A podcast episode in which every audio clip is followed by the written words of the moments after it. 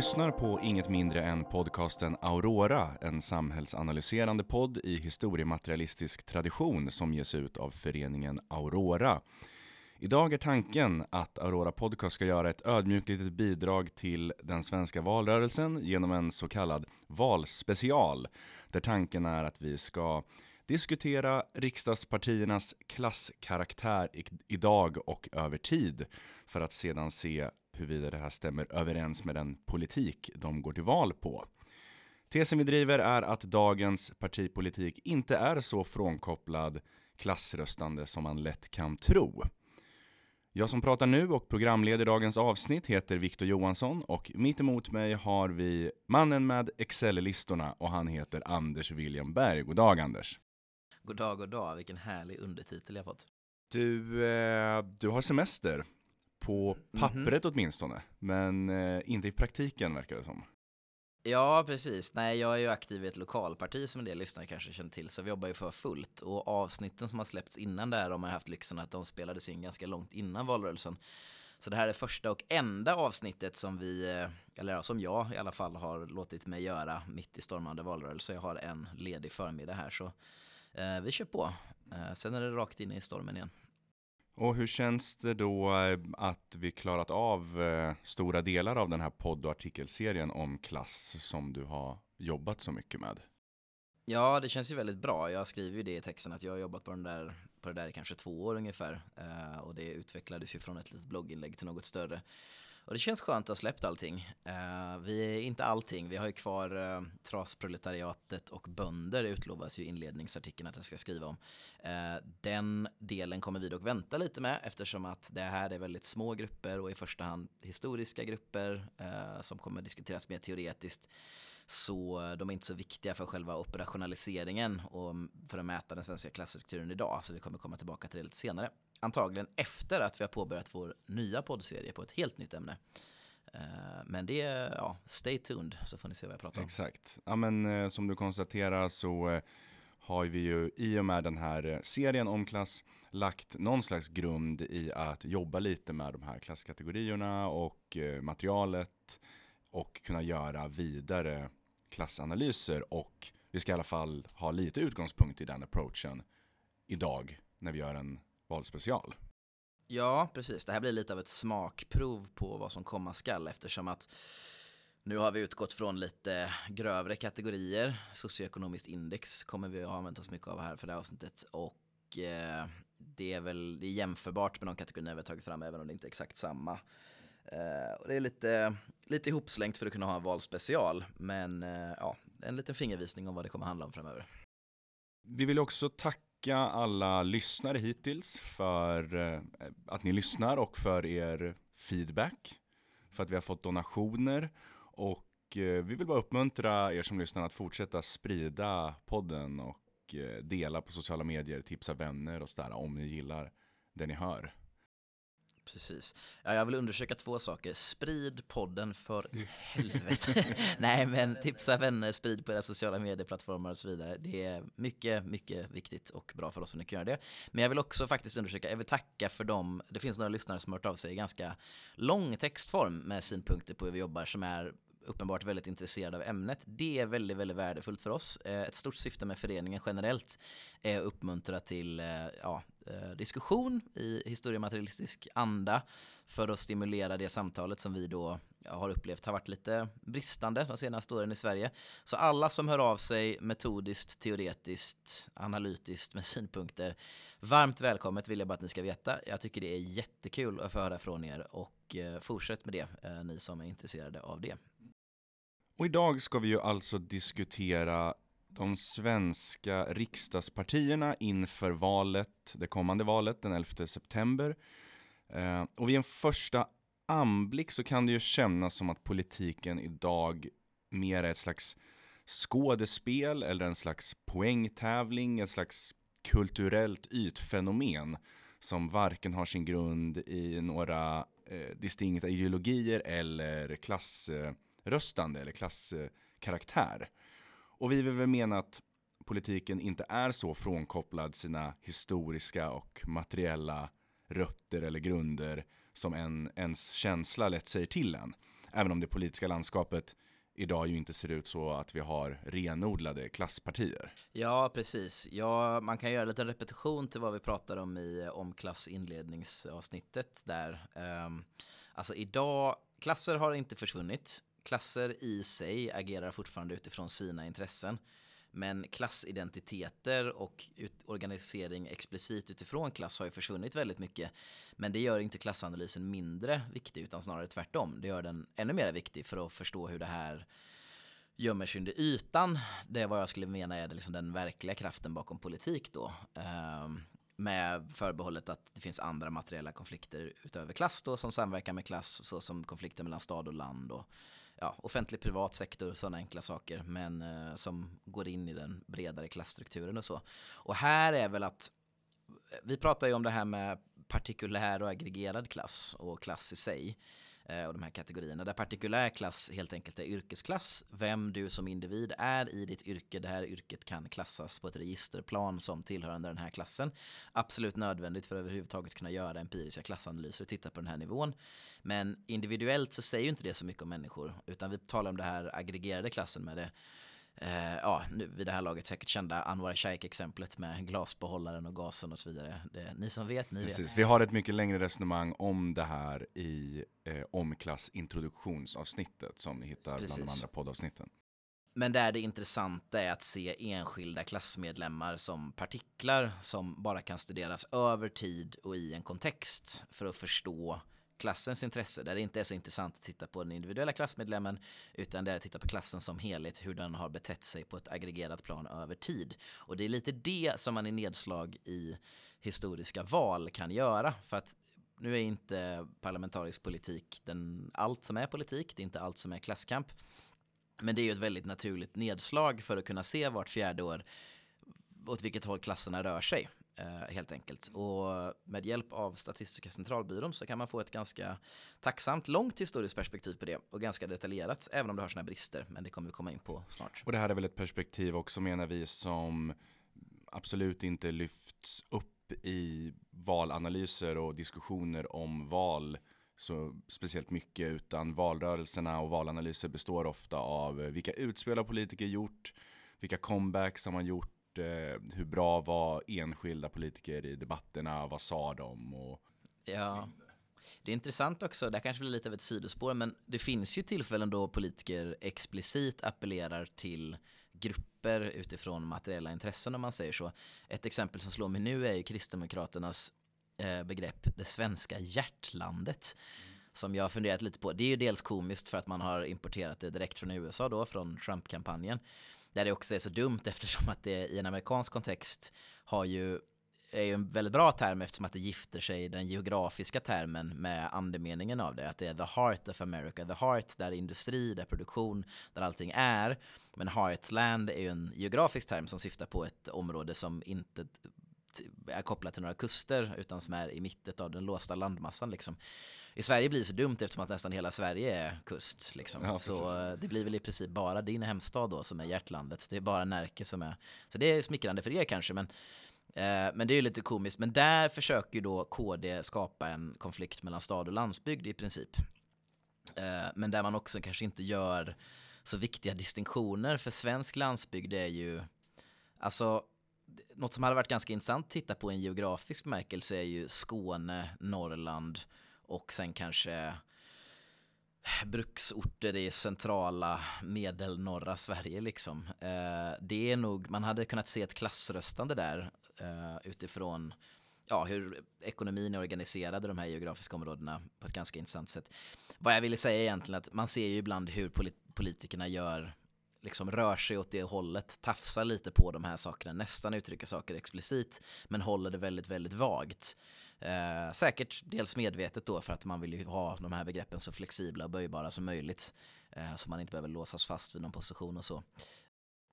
Och det vi ska göra idag då är ju att försöka titta på just eh, klasskompositionen eller klasskaraktären av de olika riksdagspartierna eh, genom olika data som framförallt du har suttit och samlat ihop och bearbetat och vi kommer förhoppningsvis kunna ha en liten diskussion också om hur det här har förändrats och vilka implikationer det för, får för den politiken eh, som partierna för fram om nu vår tes håller att eh, materiella historiska rötter och banor eh, strukturerar eller villkorar eh, det politiska innehållet så att säga.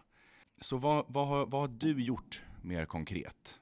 Ja, eh, det här blir ju lite snabbare, eh, lite hastigare eh, empiriskt arbete jag har genomfört då. Men jag har egentligen tittat på... Jag vi river av de här, de, de, de, den tråkiga biten med siffror, källor och liksom Vi klarar det lite fort så kan det vara lite mer action det här avsnittet. Det är ändå mitt i en valrörelse där. Nej, men alltså eh, jag har egentligen velat få reda på två saker om partierna. Jag vill få reda på hur stor eh, andel av väljarbasen som olika klasser utgör eh, hos dem och hur stor eh, andel av medlemsbasen som olika klasser utgör. Så då har jag alltså inte försökt få reda på hur stor del av till exempel arbetarklassen som helhet röstar på det eller det partiet. Utan jag vill liksom se varje parti som en klassstruktur. Säg att det här partiet hade varit Sverige. Då hade det varit så här många arbetare här, så här många professioner här och så vidare och så vidare. Och det här är ju då lite för att bryta upp en atom och se dess konstituerande eh, delar. Eh, och, eller snarare en molekyl antar jag, Eh, och se de konstituerande atomerna för att se liksom, vilka kombinationer som skapar vilken sorts övergripande struktur. Eh, och det är ju då för att identifiera intressen, alltså att vilka, är, vilka har kritisk massa i det här partiet, vilka väljare appellerar de till. Men just väljare är ju särskilt idag när partierna är mindre masspartier och mer kampanjorganisationer på det sättet. Så väljarna kan ju förändras, det går inte över natt, men väljarbasen kan ändå förändras snabbare än förr och det är mer flyktigt. Och då är det såklart väldigt viktigt att titta på medlemmar, vilka är det som faktiskt sitter vid spakarna i de här partierna. De som kommer till en kongress och röstar om politiken och sitter i styrelsen och arbetsutskott ja, och utformar. Och klättrar och blir profiler och från vilken miljö de kommer och så då. Och där är det viktigt att förstå, för man måste tänka på alla partier som klasskoalitioner. Det finns inget parti, särskilt idag, som är ett renodlat parti för en klass. Utan det finns olika former av klassallianser. Eh, och då är det ganska viktigt att förstå vilka det är som är eh, ja, support och vilka som är generalstaben, vilka det är som säger till vem vad. Och spoiler, spoiler, så är det svårare idag att se att arbetarklassen sitter i förarsätet i något parti. Men te för, och teorin här är ju på något sätt att om en klass eller en koalition av klasser har dominans eller stort inflytande i ett parti så kommer det ändå på något sätt att överköptas i det politiska innehållet som kommer orienteras mot att tillfredsställa den klassens intressen eller tilltala den klassens väljare och så vidare. Eh, och politikens innehåll formas inte bara utifrån en debatt om idéer i, i partiet utan det finns en grund här i de här Precis, det utgår från det. Och det här måste man också förstå, alltså att ibland kan ju marxistisk Eh, Eh, klassanalys få en kritik av det. Att så här, men varför, ja det finns över hälften av alla eh, i ett samhälle är arbetare. Om det ligger i arbetarklassens intresse att ha till exempel en socialistisk omvandling av samhället. Varför sker inte det? Det ligger i deras intresse. Men det här är som ett krig eller vilken intressekonflikt som helst. Alltså självklart så finns det ju tillfällen som ja, låt oss säga ett parti för företagare inser att vi kanske måste kväva vissa av våra mest ambitiösa intressen just nu för att kunna vinna den här gruppen och det finns långsiktiga, kortsiktiga mål. Det finns en strategisk situation där man måste se allt det här i sin historiska kontext och det är viktigt att tänka på att det vi kommer diskutera nu eh, blir helt ologiskt om man inte kan förstå det här i en dynamisk historisk verklighet. Liksom. Om man är medveten om varifrån de här partierna kommer och vilka hot de står inför och så. Men man måste fortfarande tänka då att om det sitter exempelvis egenföretagare i förarsätet för ett parti liksom, så finns det vissa röda linjer för dem, saker de absolut inte kan gå med på, saker som är deras långsiktiga mål och som informerar deras vägval, även om vägvalen kan vara många olika. Precis. Nej, och det är heller inte vår mening att vara så reduktionistiska att vi sitter och säger att man har en ekonomisk position i produktionen. Det innebär automatiskt att man har de här och de här åsikterna som man själv går och tänker på är viktiga valfrågor för en eller så, utan där kommer ju som du säger den historiska verkligheten och eh, kultur, idédebatt, discourses och annat eh, in såklart. Eh, men, men på något sätt ändå har sin grund i de här olika ekonomiska positionerna, intresse och intressena. Uh, ja, nu blir det kanske nästan lite mer teoretisk debatt än empirisk, så jag river igenom det här riktigt fort. Uh, vad jag har använt mig av då i första hand är för vi sträcker oss från 1960 till 2022 eh, som längst. Och för åren 1960, 1964 och 1968 har jag gjort det enkelt för mig. Jag har använt en bok som heter Svenska partiapparater, de politiska partiernas organisatoriska uppbyggnad. Det är en bok från 1972. Den är utgiven av Aldus förlag, skriven av ett gäng statsvetare. Jag går igenom efternamnen fort. Winqvist, Wikleus, Udman, Bengtsson och Lundström, statsvetare från Lund. Spana in boken, mycket bra, matnyttigt. Eh, men den då går igenom från en tid, särskilt när medlemsregistren var extremt mycket mer utförliga och det finns väldigt exakta uppgifter för klassstrukturen inom partierna. Eh, så det är väldigt, väldigt tacksamt. Eh, den gör också lite jobb åt den då. Jag tror väl att det är folkräkningarna den tittar på på något sätt för att se på väljarbasen. Så där använder vi oss av boken Svenska partiapparater och kringgår SCB för att göra vårt jobb lite lättare för oss. Men eh, från och med 2010 så kan man använda sig av SCBs partisympatiundersökning. Jag vill egentligen gå tillbaka så långt som 1998. Mm. Eh, men tidsbrist helt enkelt, kära lyssnare. Jag hann bara gå till 2010, där vi kan titta på då eh, procentandel av partiernas väljarbas utifrån klass, men då utifrån SEI-indexet, socioekonomiskt index, som är ett mycket grövre eh, index som utgår huvudsakligen från kategorierna eh, facklärda arbetare, ej facklärda arbetare. Där facklärd betyder hantverkare kan man tänka. Det är alltså yrkesutbildade arbetare. Ej facklärda, mer grovarbetare. Och arbetare definieras som yrken som organiseras av LO. Alltså inte LO-medlemmar, men yrken som organiseras av LO. Eh, vad händer då med en del av tjänstearbetarklassen som kanske idag organiseras av Unionen eller något TCO-förbund eller så? Eh, jo, de tillfaller gruppen lägre tjänstemän och tjänstemannakategorin i socioekonomiskt index är eh, lägre tjänstemän på mellannivå och högre tjänstemän. Lägre tjänstemän är viktigt att komma ihåg att de behöver vi inte tillskriva vad vi kallar de svaga professionerna. För de definieras bara av löntagare som har en utbildning på två år eller mindre. Så de faller alltså inte inom de svaga professionerna enligt våra kategorier, utan det här är eh, tjänstearbetarklassen eller eh, arbetarklassen i reproduktiv sektor kan man tänka. Så de lägre tjänstemännen kan vi rakt av räkna in i arbetarklassen socioekonomiskt index. SCB e skriver själva om det här att SCI är ett daterat system och problematiserar främst då tjänstemannagrupperingen som, ja inte i de termerna, men proletariserade yrken. Eh, många som sedan dess har tagits över av LO också, eh, så det har ändrats mm. lite grann. Sådär. Men så, är, så de tre, alltså facklärda arbetare, icke facklärda arbetare och lägre tjänstemän, de får korrespondera med någon slags arbetarklass. Där även om det inte är exakt den, så du har beräknat i de tidigare avsnitten. Precis, där har vi alltså arbetarklassen ej generöst räknad. Som vi har i, där har vi liksom den egentliga arbetarklassen. Uh, och sen om vi vill titta på det arbetarklassen i snäv mening, det vill säga mervärdesproduktiva arbetare eller fysiskt produktiva arbetare, då skulle man behöva titta på arbetarkategorin, men där göra en distinktion mellan offentlig eller privat sektor och så vidare. Vilket jag har tittat lite grann på för övrigt, men inte så mycket. Men sen då så har vi tjänstemän på mellannivå, som dels innefattar vad vi hade kallat svaga professioner, alltså den här gränsgruppen mellan professionerna och arbetarklassen, men som är en generös räkning både tillfalla arbetarklassen, men också grupper över det. Så eh, tjänstemän på medelnivå blir verkligen en ganska formlös grupp men som vi ändå kan tillföra medelklasserna på något sätt. Högre tjänstemän är en ganska enkel kategori, det är professionerna. Eh, där utan att kompliceras mycket, professionerna och funktionärerna. Eh, så de behöver inte oroa sig så för mycket. Alla SCBs kategorier är baserade på utbildningsnivå vad gäller tjänstemän. Eh, tjänst, eh, tjänstemän på mellannivå är tre år till lite mer, så det är där runt de yrkesutbildningskategorierna. Och som vi vet då, utbildning är inte samma sak som klass, men det korresponderar väldigt väl med klass. Så det blir en ganska rimlig uppskattning.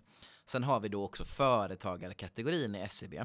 Och för vissa år är den väldigt detaljerad på eh, egenföretagare, mindre företagare och större företagare, även lantbrukare, i äldre versioner. Men i de senare parti, partisympatiundersökningarna så blir det att lantbrukarna står varje undersökning urvalet för litet för att kunna redovisas tills de till slut bara släpper gruppen för att den är så minimal idag, lantbrukare.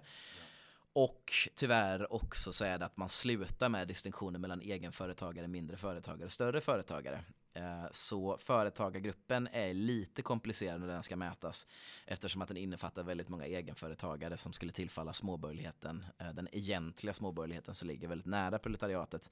Så företagargruppen är också lite klurig, men ehm, ja, så det får man hålla i åtanke. Och utifrån det har man då kunnat mäta partisympatier, alltså inte vad folk faktiskt har röstat på, utan vad folk har uppgett i de här undersökningarna. Maj varje år har jag tagit undersökningen för. Uh, vad de anser vara liksom sitt parti på något sätt då. Så då blir det kanske partiidentifikation mer än strategiskt röstande då. Men vad skulle du rösta på om det var val idag brukar väl vara den operationaliserade frågan i de här? Partisympatiundersökningen är lite annorlunda. Jag tror faktiskt att deras fråga är vad anser du är det bästa ah, partiet? Okay. Eh, så det blir liksom en mer, uh, det är inte en fråga om strategiskt Nej, väljande här då, utan parti. Och då blir det mer en fråga om politisk identitet då kanske. Och ja, för uh, åren efter 2010 så har jag försökt att bara titta på yrkesverksamma för att det är lättast. Så pensionärer och studenter i så fallet utanför. Eh, men för 2010 så gick inte det att göra den åtskillnaden så där har vi tittat på båda två samtidigt. Eh, och i vissa nedslag så kommer vi kunna, ja vi kommer, ha, vi kommer ha vår generella struktur utifrån PSU men sen i vissa särskilt intressanta fall så har jag gått och tittat på specifikt då kanske studenter i vissa partiers fall att de är väldigt stora där och gör lite enskilda nedslag. Även privatanställda arbetare har jag försökt titta på lite grann i Eh, i vissa så. Men generellt är det här vad vi pratar om. Och då till sist vad gäller medlemsbas för modern tid så är det Partierna har tappat väldigt, väldigt mycket medlemmar, väldigt dramatiskt de senaste åren. Eh, också medlemsregistren har blivit mycket mindre detaljerade, man har blivit mindre villig att ge ut det Eh, och så vidare. Så där får man göra generella uppskattningar. För vissa partier har det varit ganska lätt, särskilt vänsterpartierna, eh, alltså vänstern och sossarna, utifrån lite sociologiska studier vi kommit över. För Moderaterna får man göra en uppskattning eh, generellt utifrån lite historisk litteratur och sådär. Där får man tyvärr höfta ganska rejält. Det är ganska svårt att säga empiriskt idag exakt hur medlemsstrukturen ser ut av de skäl som jag precis har angivit. Men eh, så där blir det lite mer finger i luften, aning, spaning, spekulation. Vi kan väl säga det att det blir så att vi kommer titta på vänstern, sossarna Vänsterpartiet, den traditionella mittenhögern, Centerpartiet, Liberalerna och Moderaterna. Och sen en, liksom, en uppsamlingshit av de lite nyare partierna, KD, SD och MP. Precis, för de fanns ju inte med då på 60-talet när det här var tidigaste litteratur ifrån. KD är lättast att titta på, för att där finns det på 70-talet när KDS kommer in där så finns det fortfarande eh, då finns det fortfarande ganska bra eh, klass, eh, vad ska man säga, klassregister över väljande och medlemmar så, så man kan få en ungefärlig bild. Miljöpartiet är väldigt svårt att säga någonting om. SD är ett väldigt ungt parti. Uh, där är det lite lättare att säga någonting om, men det är mest för att det är ett väldigt särintresse för mig att titta på just SDs klassbas och så, så. Men där kommer vi behöva ta till lite andra metoder. Men för de klassiska partierna som har varit med oss länge, som din farmor och farfar röstade på, uh, så är det, kan vi vara lite mer exakta.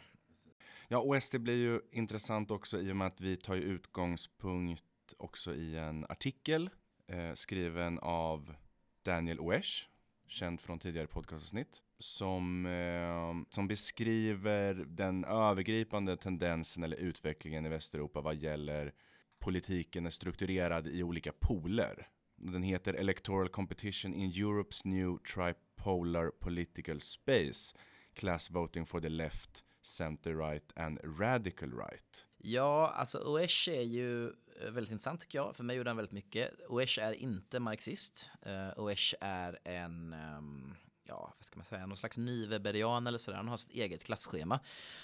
Så lägger mycket fokus på utbildning och så vidare. Men det går ändå att översätta våra kategorier ganska väl. Och han då har ju över en längre tid mätt trender. Man märker att han är väldigt intresserad just över de här vad han kallar radical right som partier då och det är Sverigedemokraterna. Men han lägger väldigt mycket fokus på eh, Front National som inte heter det längre i Frankrike. Nu heter de Rassemblement National någonting va? Nationell samling vet jag att det översätts till. Eh, men även de här Flamsbelang tror jag han tittar på. Eh, alternativ för Tyskland. alternativ för Deutschland. Jag är så smittad av våra egna vår radical radical right här i Sverige. Eh, men även mitten högerpartier som då kanske mer såhär Tories, Moderaterna och så vidare. Och så gör han left radical left institutioner. Radical left är väl lite starka ord i dessa postkommunistiska tider men han syftar ju då på olika vänsterpartier i Europa. Och då pratar han ju då om under och överrepresentation eh, i procent då. Eh, och vad han kan peka på är att eh, trenden är så här. Eh, vänsterpartier i Europa, och då räknar han upp alltså socialdemokratiska och radical left-partier, är svagt underrepresenterade eh, bland produktionsarbetare. Eh, svagt överrepresenterade bland tjänstearbetare och ordentligt, väldigt, väldigt starkt överrepresenterade bland sociokulturella professioner. Svaga hos alla olika former av eh, företagare och chefer. Men som han skriver då, om han separerar the radical left från eh, socialdemokratisk vänster så att säga, eh, så skriver han så här. If we replicate the analysis of class voting by distinguishing the parties with the polls, notably the Social Democrats from the New Left and the Conservatives from the Liberal Centrist Right, results remain unchanged for the center right and the radical right, but show two nuances for the left. The leftist success among sociocultural professionals is not due to social democratic parties, but to the fact that the new left, such as the Green Party, is exceptionally popular among this class of professionals working in healthcare, education, social welfare, the media, and arts. Second, when separating social democrats from voters of the new left, we observe that the former still obtain their highest score among production and service workers. Så om man separerar de här grupperna så har socialdemokratin fortfarande ett ganska starkt stöd eh, bland produktionsarbetare eh, medans den the new left som man kallar det här då, och han ger till exempel Green Parties, men tidigare i texten så pratar han då också om post-communist parties och så vidare. Eh, så ser man att de är väldigt svaga just hos den här delen man har ett visst stöd, helt okej okay stöd hos tjänstearbetarklassen. Men det är just hos de högre professionerna eh, inom offentlig sektor ofta som man bygger sin klassbas. Eh, och där the center right då, föga förvånande, är väldigt, väldigt starka hos small business, large, self, uh, eh, large employers eller self-employed och managers. Men även tekniska professioner är man ganska stark hos. Betydligt svagare hos alla andra grupper i princip. Alltså, och då clerks, vilket är cirkulationsarbetare, försäljningsarbetare, production workers och service workers och sociokulturella professioner. Där är man svag hos alla. Men då där the radical right är i hans struktur här då så är de starka i toppen och starka i botten men svaga i mitten. Alltså eller det är i och för sig inte helt sant, de är snarare de är starka bland small business men ganska svaga hos large och self-employed business. Eh, och svaga hos alla professionsgrupper men väldigt starka hos inom produktions och tjänstearbetarklassen. Av någon anledning ganska svaga bland cirkulationsarbetare är då the radical right. Och det här är en sammanställning av höger och vänsterpartier i hela Europa. Så det här ger väl en överblick av hur trenderna går i Västeuropa idag. Skiljer sig såklart på enskilda punkter i alla olika länder. Men det här är den generella eh, klassintressestrukturen eller vad man ska dra till med för begrepp. Precis, och, och han menar ju då att från en ganska, alltså lyssnare av den här podden känner nog igen talet om vänster-höger som har kompletterats med en någon slags galltann-axel. Och att eh, de äldre partierna i vänster och höger generellt befinner sig mer på gallplanhalvan. Men radical right har kommit in på liksom tandplanhalvan och snor väljare från båda den gamla vänstern och högern. Precis. Ja, eh, ja det är ju det här, Oesh själv lägger ju väldigt mycket vikt vid det här med Galtan och den kulturella värderingsaxeln i politik. Och så. Jag är väldigt kritisk mot det. Eh, jag tror att det här är ett sätt att släta över klassintressen som finns där genom att säga att oh nej det här är inte en klasskonflikt, det är en kulturell konflikt. Men som goda marxister känner vi till att det finns något som heter bas och överbyggnad eh, och så vidare. Alltså det intressanta är väl var de här påstått kulturella konflikterna kommer ifrån eh, och att jag tror att det där är mer ett uttryck för att eh, folk som är intresserade av klassanalys är väldigt, väldigt obekväma med att diskutera de här frågorna i klasstermer. För då måste man ställa självkritiska frågor. Men det är en annan diskussion. Men det är också en väldigt viktig inramning för att det är väldigt mycket så det här diskuteras. Precis, men vi kan, vi kan lämna det och den kulturella eh, diskussionen, dimensionen åt sidan och konstatera i alla fall att den här, den, den här tredje polen som man kallar det med radikal högerpartier Sverigedemokraterna är den svenska motsvarigheten, men det finns ju liknande typer av partier runt om i hela Europa som har kommit och alltså eh, tagit, eller vad man vill säga, väljare, eh, klassgrupper från både vänstern och högern på ja. sättet som du just beskrev. Och en intressant sak är väl att vänstern gav väl upp på de här grupperna långt innan the radical right dök upp då. Och de retirerar väl då antingen till socialdemokratin eller till soffan liksom. Mm. jag tror att det finns intressanta exempel med Reinfeldt hur liksom den här center-right kunde bli som en proteströst. Men mm. Och man ser det också i partisympatiundersökningarna hur de får en liten spik där hos arbetarklassen, Moderaterna i ett eller två val. Men tappar det väldigt fort, lyckas inte hålla det. Och att det istället cementeras tryggt i the radical right. Men det kommer vi till sen. Oesh i alla fall beskriver det någonstans på ett mer västeuropeisk kontext, eh, en slags händelseutveckling eh, som kan ligga till bakgrund när vi nu vill titta närmre på hur det här ser ut med de olika klasskompositionerna i de svenska riksdagspartierna. Och vi ger väl oss i kast bara helt enkelt med eh, den svenska vänstern då. Mhm. Socialdemokraterna och Vänsterpartiet. Amen. Och det har ju skett några radikala förändringar i de här partierna. Och ja, vi är ju som man kanske anat lite intresserade av arbetarklassen i den här podcasten. Och om man tittar på andelen av eh, väljare i valet 1960 för Socialdemokraterna som var arbetare och då är det kategorin arbetare utom anställda inom jordbruk med binäringar. För då fanns det fortfarande en eh, agrar arbetarklass som var ganska betydelsefull. Då är det, nu pratar vi alltså inte om den här eh, SCI med facklärda och ej facklärda utan i, i den här boken som vi förlitar oss på, där pratar man om, eller där redovisar man siffror för arbetare utom Ja, och det här är väl från folkräkningarna liksom. Så det är lite äldre kategorier. Men sen här, när ni hör arbetare nu, då kan ni ju tänka eh, gamla industriarbetare i första hand. Eh, eh, och då, i valet 1960, så utgörs Socialdemokraternas väljarbas till 69 procent av eh, den här gruppen arbetare. Uh, och idag då så utgör facklärda arbetare, det vill säga yrken som organiseras av LO, som är ja, yrkestränade på något sätt, hantverkare, så utgör 16,5% av deras väljarbas och ej facklärda arbetare utgör 17%, eller det här var valet 2018 då, uh, gjorde de det. Så tillsammans blir det lite mer än 30%, så det är mer än en halvering av deras andel uh, av väljarna där absolut ingen majoritet. Eh, och sen då den här lägre tjänstemän, föremän, verkmästare samt affärsanställda, så vi kan kalla som en tjänstearbetarklass. Valet 1960 var de 20% av väljarbasen, 64 var de 25%, 68 var de 26%. Eh, medans idag då så är att lägre tjänstemän utgör 13% eh, i valet 2018 och undersökningen 2022. Och tjänstemän på mellannivå då utgjorde eh, 23,12% och 24,45% 2018-2022. Eh, och sen kommer en kategori som är lite klurig, men i boken från 60-talet här då så klumpar man ihop större företagare, företagsledare, högre tjänstemän med flera som en kategori. Och då utgör de 1% av väljarbasen eh, 1960 till 68. 68 går de upp på 2% men samma trend. Men om man bara tittar på då, sossarna växer inte så mycket bland företagare. Eh, men om man bara tittar på de högre tjänstemännen så utgör de 2018 17,6% av väljarbasen och 18,8% 2022. Och vi kan bara påminna oss från tidigare avsnittet att högre tjänstemän korresponderar ungefär med det vi har pratat om som funktionärer och professioner i tidigare avsnitt om klass.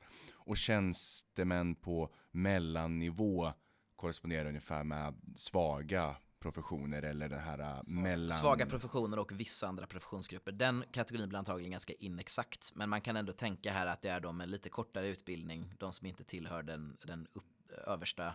Det är dels grupper som kanske i en generösare räkning borde räknas in till arbetarklassen. Dels grupper som tryggt faller inom professionerna men som inte är de som kanske inte är generaldirektörer eller de översta utredarna i myndigheter och sådär utan eh, mycket gymnasielärare och så eh, kan man tänka. Men hur som helst, högre tjänstemän 17 eller 18-19 procent i, i de... Precis.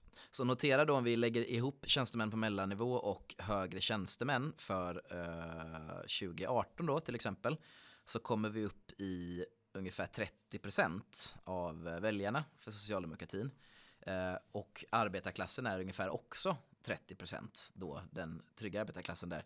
Men där de lägre tjänstemännen eh, utgör 13 procent. Så inom socialdemokratin har du fortfarande en knapp majoritet arbetarväljare om man räknar på det sättet. Eh, men de krymper då fram till mätningen eh, eh, 2022 lite grann. Och det är ett ganska tight race fortfarande inom socialdemokratin. Från att ha gått från att vara en absolut total majoritet då. Alltså man slår, slår ihop då de... Just det, då var de 90 procent tillsammans på eh, 60-talet. Precis, på 60-talet var det här alltså 90 procent av partiet. Idag är de kanske omkring 30 procent, eh, lite mer än 30 procent. Eh, och det här är också intressant för att det här är ju på en tid när socialdemokratin pratar om sin löntagarstrategi. Hur vi måste röra oss till lön, vi kan inte bara gå från arbetarna utan vi måste gå till löntagarna. Men löntagare på den här tiden, många pratar om det idag, som vill försvara att ja, ja, vi är starka hos, hos de här professionerna som man kallar det. Men man måste vara realistisk, man måste göra klassallianser. Och man gjorde det på 60-talet. Jag har ju läst en bok då som har intresserat mig väldigt mycket som heter Socialdemokratins dominans, som handlar om hur man hade en medveten strategi. Gustav Möller var en väldigt central figur i allt det här hur man liksom under 20-30-talet började orientera sig mot bönderna väldigt mycket och då faktiskt självägande bönder, inte bara jordbruksarbetare utan självägande bönder men mindre sådana, som en naturlig klassallians, man började tala om småfolket och så vidare. Man försökte utforma sin politik och tilltala fortfarande arbeta, arbetarna men också bönderna. Också småägande bönder. Men hur Gustav Möller ser då att den här klassen är dömd till undergång, hur den krymper. Alltså han ser det här väldigt, och det är det som är intressant för att man pratar ju ofta om omedvetenhet och det är inte som att Socialdemokraterna kunde exakt veta vad som skulle hända, men under, de hade en väldigt här, medvetenhet om klassdemografin i landet och planerade för den framgångsrikt. Där man övergav bönderna och istället började orientera sig mot då löntagarna, mot tjänstemännen. Men det här är också, den förhatliga tjänstemannakategorin är så inexakt. För att i den här boken, Socialdemokratins dominans, som jag varmt kan eh, rekommendera, så man pratar också om en medvetenhet om, när man vänder sig till det nyligen formade DACO då, som sen utvecklas till TCO, att det är ingenting som grundas av Socialdemokraterna. Men hur ska vi kunna liksom inkorporera de här? De, de diskuterar liksom, ska vi göra som vi gjorde när vi gjorde oss av med kommunisterna? Att vi bara sätter strategiska partimedlemmar på positioner och bara tar över fackföreningarna, och slänger ut dem vi inte vill ha. Och de säger att nej, vi vill ha en, ett oligopol då inom eh, TCO som ja, som vi, när vi diskuterar kapitalisterna, hur man inte behöver äga 51% av ett företag för att kontrollera det. Du behöver bara äga kanske 30% och se till att alla andra äger omkring 5% så styr du allt. Liksom. Det, det, var ju det som var deras inställning till TCO, att vi behöver ha en strategisk kontroll över de lägre tjänstemännen och de som ligger väldigt nära oss, liksom, kontorister, butiksanställda och så vidare. Liksom. För att om vi försöker bara liksom, totalt äta upp tjänstemännens organisationer, då kommer vi skrämma bort eh, de vi vill nå. Liksom. För att då kommer de känna en lojalitet mot, mot sin grupp och, och vi hotar dem och sådär. För att vi kommer aldrig kunna ta de högre tjänstemännen från då eh, högern, som det var på den tiden. Hur märktes en, en sån strategi i deras politik? Alltså en sak är att de börjar bygga, det är väldigt kul med Socialdemokraterna, att de börjar bygga organisationer runt tjänstemän. Alltså de börjar bygga socialdemokratiska intresseföreningar för olika yrkesgrupper och börjar liksom omringa den här klassen och liksom ta upp eh, delar av den. Eh, och det är det förarbetet. Det här är också en väldigt medveten strategi. Det socialdemokratins dominans och den här boken utgår ifrån från eh, protokoll från verkställande utskottet ja, de omringar den här klassen för att sedan då förbereda för de två stora sakerna. Det är alltså tjänstepension, ATP då. Eh, och de här reformerna där man försöker tala om reformer som gynnar hela arbetarklassen. Det finns ett, eller ett, hela löntagargruppen.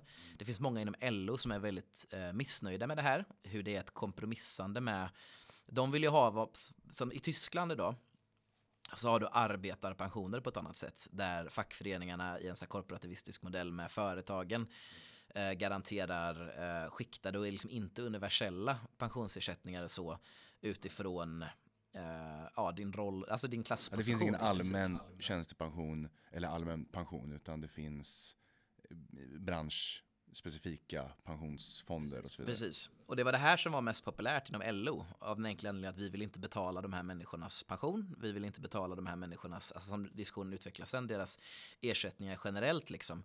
Men där partiet försöker förklara att vi kan få så mycket mer om vi är beredda att ge dem lite grann så. Um, och det är ju den linjen som lyckas och med det här så får, växer Socialdemokraterna väldigt mycket i de här grupperna. Men det intressanta vi ser idag är ju inte liksom hur Alltså det finns väldigt många olika sätt att, ehm, för att använda internetspråk, copa med det här. Eller att eh, rationalisera för sig själv varför det här inte är ett problem, att man tappar så mycket hos arbetarklassens kärna. Och det kan det vara, ah, klassstrukturen förändras, vi lever i en tjänsteekonomi och så vidare. Men man tappar bland tjänstearbetare. Eh, man tappar bland, och det är inte sant liksom att det inte finns industriarbetare och hantverkare längre, det är bara skitsnack. Men man tappar bland dem jättemycket och det är inte bland de här lägre tjänstemännen. Alltså det är inte TCO man växer i, utan det är SACO man växer i. Det är SACO-yrken man växer i. Alltså det, det är någonting som man, eh, om du pratar med en person som, ja, nu ska vi peka ut folk här, men jag tror genuint att om du pratar med en person som Daniel Suonen, så skulle han, då började han först att tala om de här, jo men klassstrukturen förändras och så, och så, och så, och så hade man lyft den här kritiska punkten. Min erfarenhet är att man ofta bara stänger av när man kommer till den punkten. Är det inte ett problem att, alltså de högre tjänstemännen, att det är myndighetschefer liksom och så ledningar inom företag och med särskilt i offentlig sektor, det är det som i högre grad utgör basen för de här partierna. Är inte det ett problem? Man brukar ofta inte kunna ha ett sätt att prata om det överhuvudtaget. Och det är väldigt intressant då. Och för att gå över till Vänsterpartiet. Idag så finns, kan det finnas en bild att det har varit så här så länge nu. Det är inte kontroversiellt att säga att det finns inte så många man har den här Weider Uttan-bilden, liksom att de finns inte kvar. Eh, det har varit så himla länge nu att det bara är, man ska ha en slentrianbild då, att det är någon människa med ett hittepåjobb med blått hår som bara liksom är en del av ett arbetsmarknadsprogram eh, förklätt till någon så här jämställdhetsmyndighet eller vad det nu kan vara. Liksom. Och man kan skämta om det så mycket som man nästan kan tänka att Vänsterpartiet har alltid varit så. Och det här är vad kommunister alltid har varit, att kommunister alltid varit. Men siffrorna är ännu mer slående ja, här. För om man tittar på valet 1960, eh, om man tar då arbetare utom anställda inom jordbruk med binäringar, 71% av Vänsterpartiets väljare är arbetare i den liksom, rena meningen. Och tillsammans med lägre tjänstemän blir det 82 procent. Ja, och tillsammans med eh, arbetare inom jordbruk så blir det 89 procent. Mm. Uh, och då är alltså Vänsterpartiet är alltid ett, eller SKP då, de är ju alltid ett litet parti under den här perioden, Kamrat 4% och så. Mm. Men det är verkligen en radikal faktion inom arbetarrörelsen mm. på ett sätt som är ganska lätt att glömma idag, att det finns man brukar tala om att kommunism och socialdemokrati var egentligen en taktisk splittring utifrån samma mål ursprungligen. Sen utvecklades det bort ifrån det liksom. Men Vänsterpartiet i socialdemokratins eh, dominans, väldigt bra bok. Det man pratar om mycket när, med löntagarstrategin, det man är genuint rädd för är att så fort Socialdemokraterna försöker ställa ett ben utanför eh, arbetarklassen så är det att man har Zäta Höglund inom partiet, en oreformerad kommunist som styr Stockholmsavdelningen i Socialdemokraterna. Man har, särskilt direkt efter andra världskriget, ett väldigt ändå populärt SKP efter andra världskriget och som hela tiden står och klöser för att ta sig in och ta över LO liksom. Och man är genuint, de här protokollen från verkställande utskottet visar att man är genuint rädd för att om man rör sig för långt mot de här tjänstemannagrupperna för fort då kommer deras propaganda vara framgångsrik. Och dels det som man gör under 30-talet under kriget, att man, ja, alltså man börjar åsiktsregistrera kommunister.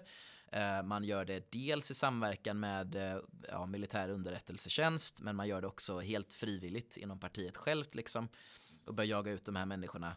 Eh, och det här är ju alltså kommunisternas strategi under hela mellankrigstiden och under kriget och en bit in på 50-talet. Men det är ju metallstrejken 45 är väldigt avgörande här. För det är ju när alltså, de är typ på väg att ta över IF Metall. De leder en väldigt stor metallarbetarstrejk för att under eh, krigsåren då har ju löner hållit stilla och sådär. Och i hela Europa så sker det här kravet på att nu har vi betalat för kriget så nu vill vi få be bli betalda tillbaka. Det finns en väldigt radikal arbetarrörelse. Eh, men Socialdemokraterna lyckas ju kväva den här strejken. Eh, det finns ett väldigt kul tal från Tage Lander som jag hoppas vi kan eh, klippa in här. Eller om frågan är om det är lite senare, men där han talar om man har alltså försökt framställa sig som en bättre sorts socialdemokrater. Men vi ser i Tjeckoslovakiet, han säger Tjeckoslovakiet och inte Tjeckoslovakien, bara hur, eh, så här, deras syn på demokrati och så. Och man försöker hela tiden lyfta upp, alltså skrämma dem med att de är demokratimotståndare, vilket jag inte menar är alltså, obefogat. Det var inte som att om man uh, ja, eh, gifte sig med österut var kanske så här världens en bättre sorts socialdemokrater med fokus på det sista ordet i den ordkombinationen. Förvisso har aktiviteten i kampen mot kommunisterna ökats. Anledningen ligger hos dem själva. De har maskerat sig som demokrater. De har försökt göra gällande att de var någon slags bättre sorts socialdemokrater till och med och städse har de fört frihetens tal på sina läppar. Händelserna i Tjeckoslovakien. Det blev en prövningens stund, inte bara i Prag. Nu hade Sveriges kommunistiska parti möjligheten att bevisa allvaret i sin bekännelse till demokratin. Tog man avstånd? Reagerade man? Nej, man accepterar det. Men hur som helst, man är genuint rädd för Vänsterpartiet där liksom. Och att folk inom LO har någon medvetenhet om att man kan nog vara man kan tycka att de har konstiga idéer, man tycker att här, man gillar inte Ryssland och så vidare. Men alltså, man vet, det är liksom samma kollektiv. Det är folk på ens arbetsplats. Det finns alltid en tiondel som går runt där och är de här tokiga kommunisterna. Där, de finns alltid som ett alternativ. Att de vill verkligen... Men det är ju lite som typ Sverigedemokraterna idag, till en början i alla fall, tjänar en funktion som att straffa socialdemokratin. Att liksom arbetarklassen kunde lite dra i den spaken som en så här eh, jag vet inte, go fuck yourself grej. Att så här, nu, nu är det nog, nu röstar jag fan på SD, det måste bli lite jävla ändring här. Jag tror väldigt mycket att kommunisterna tjänade den funktionen eh, under mellankrigstiden, en bra bit in på efterkrigstiden fram till kanske till 70-talet kanske till och med. Där man var liksom att vi kan alltid, jag är osäker på de här, de kanske har ett så här obekvämt förflutet och så vidare, de har konstiga idéer, men jag kan alltid använda dem som min atombomb liksom, min sista väg ut med det här riktiga hotet. Och jag tycker att den bilden bekräftas ganska mycket utifrån socialdemokratins egna strategidiskussion. Mm. Men med detta sagt, hur ser det här ut idag då? Facklärda, ej facklärda arbetare, någon form av arbetarklassens kärna, utgör 11 kontra ja, ungefär 14 procent av väljarna idag. Uh, och alltså det man måste tänka på här då är att 25 procent då 2022 för att göra det enkelt. Båda de här grupperna tillsammans. Precis, och det man ska tänka på är 25 procent, det är inte så illa. Alltså det som är intressant att jämföra det här med, det är ju arbetarklassen som helhet då. Att tänka att arbetarklassen är, är generöst räknat 49 procent. Mm. Uh, och då är det alltså 25 procent, det är ungefär hälften, alltså man ska säga det är en de är hälften av den svenska klassstrukturen. Det är en ganska rejäl underrepresentation. Ja. Alla partier är, får sitt, nästan alla partier har sitt största stöd inom arbetarklassen eftersom att det är den största, största klassen i samhället klassen. helt enkelt. Liksom. Så det är inga konstigheter. Men alltså man är rejält underrepresenterad och man, det är ett mm. enormt tapp från den tiden. Det är inte lika illa som alltså Miljöpartiet har ändå mindre arbetarstöd och så vidare och så där. Men det är alltså ett rejält tapp. Mm. Och de stora revolutionära ultrakommunisterna i socialdem inom Vänsterpartiet då har 20% och 22% stöd hos de högre tjänstemännen under undersökningen 2018-2022. Mm.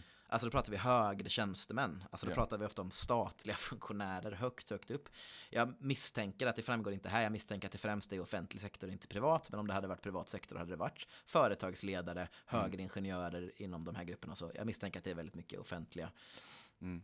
Men det är eh, läkare på högre nivå och så vidare. Men sen då tjänstemän på mellannivå. Den kompakta, eh, vad ska man säga? Har vi lärare där till exempel?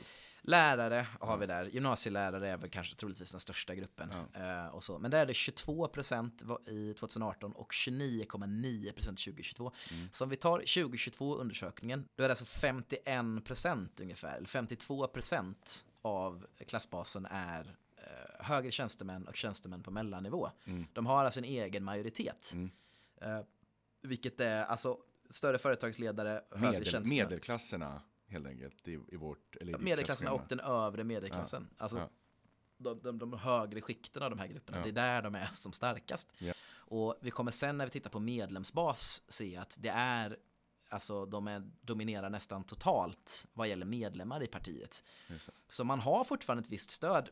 Eh, alltså något som jag tycker är lite intressant är att man antar alltid att eh, ja, men Vänsterpartiet kanske har tappat lite inom LO-väljare och sådär. Men de bor lägre tjänstemän. De är ännu svagare bland lägre tjänstemän. Alltså de ligger på ungefär 9% mm. av väljarna är lägre tjänstemän. Ja. De är jättesvaga där. Grejen är att det som faktiskt förvånar mig lite grann är att de inte är så svaga som man skulle kunna tro inom vissa LO-yrken fortfarande extremt tapp historiskt liksom. Ja. Och de är, alltså Kristdemokraterna har högre stöd än de vissa år eh, i ja. de här grupperna. Sådär. Så det är liksom, man kan inte säga att det finns någon proletärbas där, men det, det, är heller inte sant att man har växt inom de här nya tjänsteyrkena eller så. Liksom. Det, det, har man verkligen inte gjort. Alltså man har tappat där också om man jämför historiskt och så. så men man har då växt i de här slarvigt uttryckt medelklassgrupperna. Dels bekräftar ju det här Oesh tes väldigt mycket. Mm. Eh, och dels då så eh, det är en radikal förändring av vad Vänsterpartiet har varit helt enkelt. Det är också Okej. den enda gruppen där det är typ signifikant intressant att prata om studenter. Alltså Mm. år eh, 2022 så var det 11% av deras väljarbas eh, utgjordes av studenter. Och det här är då, då kan man, ja men studenter, de är, är det en klass och så bara, nej man kan säga att student är liksom en intermediär klass. Alltså det är ju i princip alltså att du är mitt i en klassrörelse liksom Ja, som student. Och de Men som, många studenter är väl på väg upp mot eh, mellan och högre tjänstemanna. Ja. Och som vi gruppen. såg, alltså, så- liksom helt enkelt att om du tillhör arbetarklassen så har du väldigt, väldigt, väldigt sällan eftergymnasial utbildning. Ja. Om du överhuvudtaget har eftergymnasial utbildning är det extremt troligt att du inte tillhör arbetarklassen. Ja. Och eh, det är liksom, jag tror att det är den, ja Miljöpartiet har varit starka också, men annars så är det liksom den starkaste gruppen bland studenter. Mm. Så eh, ja, vi har en radikal förändring där. Eh, och vi ska börja prata lite nu snart kopplingen till de politiska uttrycken, för vi ska nöja oss med Socialdemokratin och Vänsterpartiet eh, till att börja med. Men jag vill säga något kort om, om medlemskapet då, att eh, historiskt då, för eh, år 1970, så är det ganska lätt att se det finns ganska utförliga medlemsregister och det är ganska lätt att se eh, hur medlemsbasen ser ut.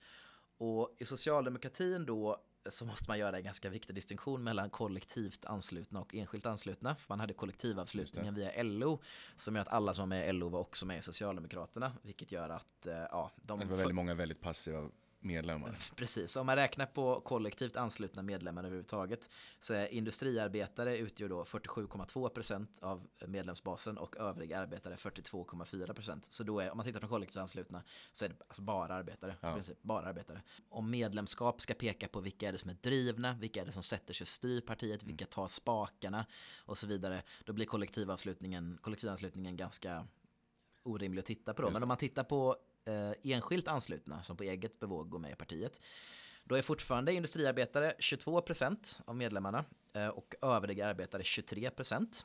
Så då är vi uppe i 45% där ungefär. Eh, och förmän affärsbiträden eh, är 14,9%. Så där är vi uppe över 50% då. Om vi lägger till tjänstemän, här görs inte en distinktion mellan lägre och medel, däremot mellan högre. Men tjänstemän då utgör 10%. Så det finns en ganska tydlig, åtminstone så här proletär eh, Mm. överrepresentation. Men 10,7% högre tjänstemän utgör medlemsbasen av då. Och det är väl säkert funktionärer inom den egna arbetarrörelsen då, liksom Ja, professionella politiker och så vidare. Men de är ganska många. Eh, 4,6% mindre företagare, 9% ej yrkesverksamma. Men vi ser en, ja, Det är lite fler högre tjänstemän i medlemsbasen än i väljarbasen. Så Precis. kan man säga. Men det är, vi ser liksom hur det är, ja, hur den proletära prägen minskar lite när man tittar på medlemmar. Men det är fortfarande en väldigt tydlig eh, majoritet där. Sen när vi ska titta på Vänsterpartiet, det här är lite kul då. Du ser att den här tabellen är helt tom, eh, Viktor. Mm. Och nu ska vi läsa en liten fotnot från, eh, en ganska lång fotnot från boken. Eh, partiet har inte som till exempel Socialdemokratiska partiet genomfört någon medlemsinventering. Orsaken till detta kan man finna i de knappa personella och ekonomiska resurserna hos partiet. Så, så mycket fick man av att få alla de här pengarna från Moskva. Man hade inte råd att göra en medlemsräkning. Eh, I sin verksamhet får man således lita på främst erfarenhet från fältet inom citationstecken, citationstecken. Antaganden och vissa uppgifter som andra institutioner tagit fram bland annat i samband med riksdagsmannavalen 1960, 64 och 68. Sammanfattningsvis kan man säga att partiet visavi sina medlemmar arbetar med nedanstående premisser. Kommer en punktlista på sex punkter. Skev ålderssammansättning med tyngdpunkt på åldrarna över 40 år. Rekryteringsbas huvudsakligen socialgrupp 3, det vill säga bland industriarbetare, serviceyrken och lägre tjänstemän. Huvudsakligen tätortsboende. Mellaninkomstgrupper men med inslag av både låg och höginkomsttagare. 75% av medlemmarna män. Medlemmarnas utbildning är vanligen folkskola. Det här är alltså författarna har liksom kommit fram till de här punkterna utifrån lite olika... Utifrån lite olika indicier från undersökningar runt valen, samtal med andra medlemmar, eh, alltså medlemmar i partiet. Så här, för att de skriver att Vänsterpartiet har varit väldigt samarbetsvilliga under den här undersökningen. Man får peka på det. Men det roliga tycker jag är att det här är nästan på varje punkt, varje punkt förutom en, så är det här eh, tvärtom. alltså hur det är idag. Mm. 75% av medlemmarna män. Är det ditt intryck när du har varit på Vänsterpartisammanträden? Det vill jag nog inte påstå. Nej, det är en extrem, alltså det är väldigt mycket kvinnor eh, inom Ja. Vänsterpartiet och väldigt mycket ja, tredje, fjärde grupper inom kön. Ålderssammansättningen, tyngdpunkt åldern över 40 år. Det är ett av de yngre partierna. Eh, Ja. Rekryteringsgrupp huvudsakligen socialgrupp 3, ja det har vi avhandlat så är det ju absolut inte. Nej. Eh, huvudsakligen tätortsboende, det stämmer ju Ja, fortfarande. det stämmer fortfarande. Men det har ju också att göra med att tätorterna har ju förändrats väldigt mycket. Ja. Alltså att industrier har lagts ner och folk Ja, har precis. skickats ut mer och mer. Eh, Utbildning, vanligen folkskola och där har vi ju redan varit inne på att det är Precis. väl huvudsakligen en universitetsutbildning. Så medlemmarna är ju liksom en total flipp. Alltså för att Mm. om vi ska titta då på, om vi ska gå över till hur vi ska se på det här idag, så finns det, metoden vi använt oss av här är inte perfekt, men det finns en mycket bra bok som heter The Ritual of Mayday in Western Europe. Ja. Men han helt enkelt, de har helt enkelt gjort eh, undersökningar där de går till eh, under perioden 2010-2012 besöker första maj-tåg i olika länder och olika städer och gör undersökningar vilka som deltar. Och som de skriver, the single most determining factor för deltagande i första maj-demonstrationer då is party membership, i.e. organizational affiliation. Party members are almost 16 times more likely to join a May-Day demonstration than non-party members. Så det här borde vara ganska representativt för Så medlemskap. vi tittar på vilka som är med i första maj demonstrationen och sen är det en ganska bra indikation på om de är partimedlemmar. Precis. Och vi, vi behandlar dem som partymedlemmar helt enkelt. Pa-. Partymedlemmar. Parti- Partymedlemmar. Och vi kan börja med att titta på Socialdemokraterna då. Och det är ju som man ändå borde vänta sig av ett nominellt socialistiskt parti då att större arbetsgivare är nästan inte närvarande alls. Det är 2% i Stockholm, 1% i Malmö, 1% i Göteborg. Men mellanchefer och administratörer utgör alltså 35% i eh, tåget i Stockholm. 10% i Malmö, 16% i Göteborg. Sociokulturella professioner och semiprofessioner 21, 27, 23 procent. Produktionsarbetare 12, 19, 19 procent. Servicearbetare 10, 13, 15.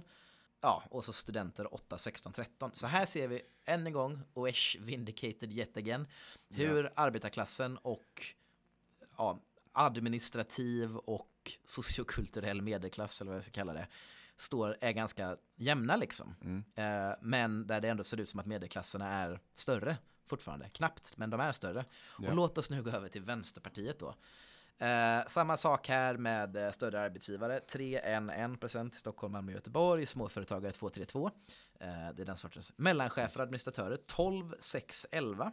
Inte lika stort som, eh, som socialdemokratin, men ändå anmärkningsvärt stort. Sociokulturella professioner och semiprofessioner 40, 37, 40. Mm.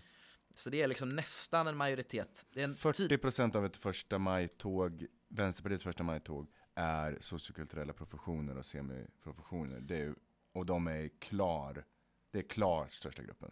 Det är klart största gruppen. Och jag menar, de utgör en tydlig plurali- pluralitet, bara det liksom. Men om man då skulle slä- slänga in mellanchefer och administratörer till det här som en grupp så är det alltså en egen majoritet. Ja.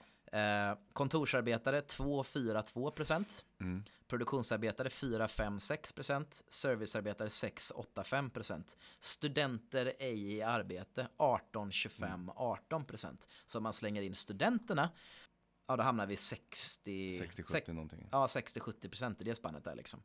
Alltså om det här då pekar på, om vi ser då som vad är en klasskoalition? En klasskoalition är att det är massa grupper från olika klasser, men en koalition består alltid av liksom senior och junior partners. De som är stödtrupp och de som bestämmer hur truppen ska gå liksom. Mm. Och om man då kan avgöra det och titta på medlemskap, då är det väldigt, väldigt tydligt att Vänsterpartiet är ett projekt för sociokulturella professioner, mellanchefer, administratörer, ja, framgår inte av det här, kan anta i offentlig sektor. Det är empiriskt väldigt, väldigt, väldigt tydligt. Ja. I socialdemokratin pågår den här kampen fortfarande. Alltså LO, och då kan man ju uttrycka det med Just de här termerna att LO är ju fortfarande en väldigt inflytelserik grupp. Men det är en dragkamp mellan den gruppen och Det är en eh, drag, de dragkamp höger- mellan och trenden, tendensen är väldigt tydlig. Vilka som krymper och vilka som växer. Det är, så, det är arbetarklassen som krymper. Mm. Eh, de här medelklassgrupperna som växer. Det här är siffror från 2010. Alltså jag skulle misstänka att det här är värre Verkligen. idag. Och man ska också tänka på att LO har ju fått en mindre organisk koppling till sin medlemsbas. Alltså det är väldigt många inom LO nu som överger Socialdemokraterna. Så alltså, um, de här medlemmarna är väl troligtvis alltså funktionärer inom LO som börjar tappa kontakten med sina medlemmar. Så här tycker jag vi har en väldigt tydlig Ja. trend. Liksom. Ehm, och vi kanske ska prata lite om då äntligen komma fram till va- riksdagsvalet Precis. 2022. Ehm, man kan ju lätt, det blir lätt att man ställer sig frågan så här. Eh, är det så att Vänsterpartiet då till exempel har ändrat sin politik, eller sin inriktning och därmed fått de här ändringarna i sin klasskaraktär? Eller har liksom klasskaraktären ändrats och därmed politiken? Och svaret där är väl att det är liksom en dialektisk relation däremellan. You got it. Uh, jag tycker det låter rimligt. Eh, jag menar inte att du gör det nu dock. Däremot är det en ganska klassisk grej, så här, marxistisk grej när det är så här. Är det det ena eller det andra? Det är motsägelsefullt säger man nej. Det är dialektiskt. Så har man löst hela problemet genom att åberopa Hegel. Men självklart, alltså jag tycker att det är, det är en växelverkan. Ja. Det är en samverkan med de här faktorerna, det är det definitivt. Ofta i de här diskussionerna så landar jag ofta att jag vill hitta liksom ett nedslag. Det var här det hände, det var den Ja, personens precis. fel, det var det. Jag kan En vara lite åt det hållet en övertoning på det perspektivet ibland. Eh, men jag tror ändå att i Vänsterpartiets fall, alltså man måste förstå det här tror jag som att under mellankrigstiden, den direkta efterkrigstiden, så är Vänsterpartiet och sen dess grundande så är SKP, de försöker omvända arbetarklassen till revolution, till en anslutning till det sovjetiska blocket. Det är liksom projektet. Mm. Men man ger upp det här, alltså ganska medvetet. Och jag tror att man gör det någonstans, i praktisk mening gör man det efter metallstrejken 45, där man definitivt slängs ur LO. Mm. Och det är ju då ordföranden där, han pratar ju då mycket om det här med att ja, men vi behöver inte skapa splittring i arbetarrörelsen utan en slags enhetsfront med Socialdemokraterna. Och att det här är strategiskt bäst för hela rörelsen, vilket verkligen är så här, det är att man erkänner att man har förlorat i princip. Ja. Och bara hoppas att sossarna ska acceptera en som, man blir liksom den här kamrat 4%, man blir bara den här stödgruppen eh, på ett annat sätt. Jag tror att man i praktiken ger upp då. Och sen ser vi under C.O. Hermansson hur liksom man försöker organisera sig mot en ny vänster och, Mm. och man vill fortfarande inte göra upp med Moskva och det har väl mycket att göra med att man får sina pengar och så därifrån. Mm. Eh, men alltså jag tror att man redan efter metallstrejken där kan se att ska man säga, trenden, det är där man har nått senigt liksom. Man ger upp på att försöka vara ett revolutionärt vägval för den svenska arbetarklassen. Vilket kanske är rimligt, alltså vem fan vill ha en revolution när saker och ting går ganska bra liksom. Det måste föreligga en revolutionär situation när man kan diskutera varför det sker, men jag tror det sker redan där liksom. Och då glidflyger man ganska länge på den här gamla medlemsbasen. Och jag, jag tror liksom att det är rätt intressant där på den här medlemsundersökningen från 1970, att åldern är så hög. Och de här människorna, jag tror genuint att anledningen till att de här människorna försvinner är för att de dör. Alltså de, de, av ren ålder, de bara dör. Ja. Och det är under den här perioden som C.H. Hermansson och den nya vänstern börjar liksom titta på vad finns sätt för oss att överleva liksom. Och man tittar då till så här radikala studenter som man Mm, kan appellera de- med andra frågor. De man så har väl en kallade nya sociala rörelserna. Precis, Fredsrörelser och miljö och kvinnorörelser och så Ja, och man har säkert en stor förhoppning om att det här ska kunna liksom rejuvenera arbetarstödet bland unga arbetare och sådär. Och jag, alltså, så här i backspegeln, det är väl, jag tycker att det, funkar inte. Det, ja, det, jag tror ändå att det är För ganska de var ju studenter, många. Ja, dem. Och, det finns något så här bevingade ord från maj 68 i Paris typ när eh, det är några arbetare som beskriver att så här, i de radikala studenterna så såg vi inte socialistiska allierade utan vi såg våra framtida chefer. Mm. Eh, och jag tror att det är en ganska rimlig bild av det liksom. Mm. Det finns eh, en annan bok jag verkligen kan rekommendera heter May Made Me som är en, en oral history of May 68 då. Alltså kravallerna i Paris 1968 brukar ju ses som startskottet för den nya vänstern, en väldigt så här founding myth för den nya vänstern. Ja. Där man kunde se hur eh, den kommunistiska fackföreningen CGT till slut efter mycket påtryckning ansluter sig till de här protesterna. Men de har ganska, är ganska ointresserade av många av de krav som studenterna ställer. Mm. Och det finns en stor förhoppning hos de här studenterna, hos den här nya vänstern att ah, titta här, här sker det här giftermålet liksom. Men eh, ja, det är inte riktigt det som har hänt. Eh, men där intervjuar de en jävla massa radikala studenter och sådär. Och det kan vara typ ganska deprimerande att höra deras syn på vad de trodde hände och vad som, vart de är idag och så vidare. Mm. Men det är väldigt intressant för det finns en intervju då med några arbetare i CGT som får en Renault-fabrik och hur de pratar om Alltså de pratar mycket om det här, så här, vi och våra föräldrar i första hand, de hade liksom, de bar vapen mot så här, nazisterna och vår egen borgerliga stat under andra världskriget. Vi var liksom organiserade paramilitära grupper. Och sen så kom de här ungdomarna och började kasta sten på polisen, varefter de gick och blev intervjuade av Le Monde, då den här stora dagstidningen, om Ja. revolutionen och började anklaga sen CGT för att CGT var en konservativ borgerlig gruppering som höll tillbaka arbetarna. Och att det framstod som väldigt absurt för dem. För att det är så här, det här är Ja. inte, att stå och kasta sten på polis är liksom, vi har skjutit ihjäl Wehrmachtssoldater liksom för vår rörelse. Eh, Ja, det här och- är bara skådespel eller lek eller poserande. Ja, nästan. men liksom att typ i och med de stora kriserna i den kommunistiska rörelsen så är det att man trots detta börjar ju vända sig till de här grupperna till Ja. slut. Att för att det är de som säger att vi vill gärna ha er, vi är jätteradikala, så ja, ja, men det kanske kan bli något då. Och de, jag menar, ja, de, alltså jag skulle väl mena att det är det fanns ett försök under den här perioden för de här, vissa av de här grupperna att närma sig varandra. Men jag tycker att det är väldigt tydligt att vid varje vägskäl så har de här grupperna varit beredda att slänga arbetarklassen under bussen.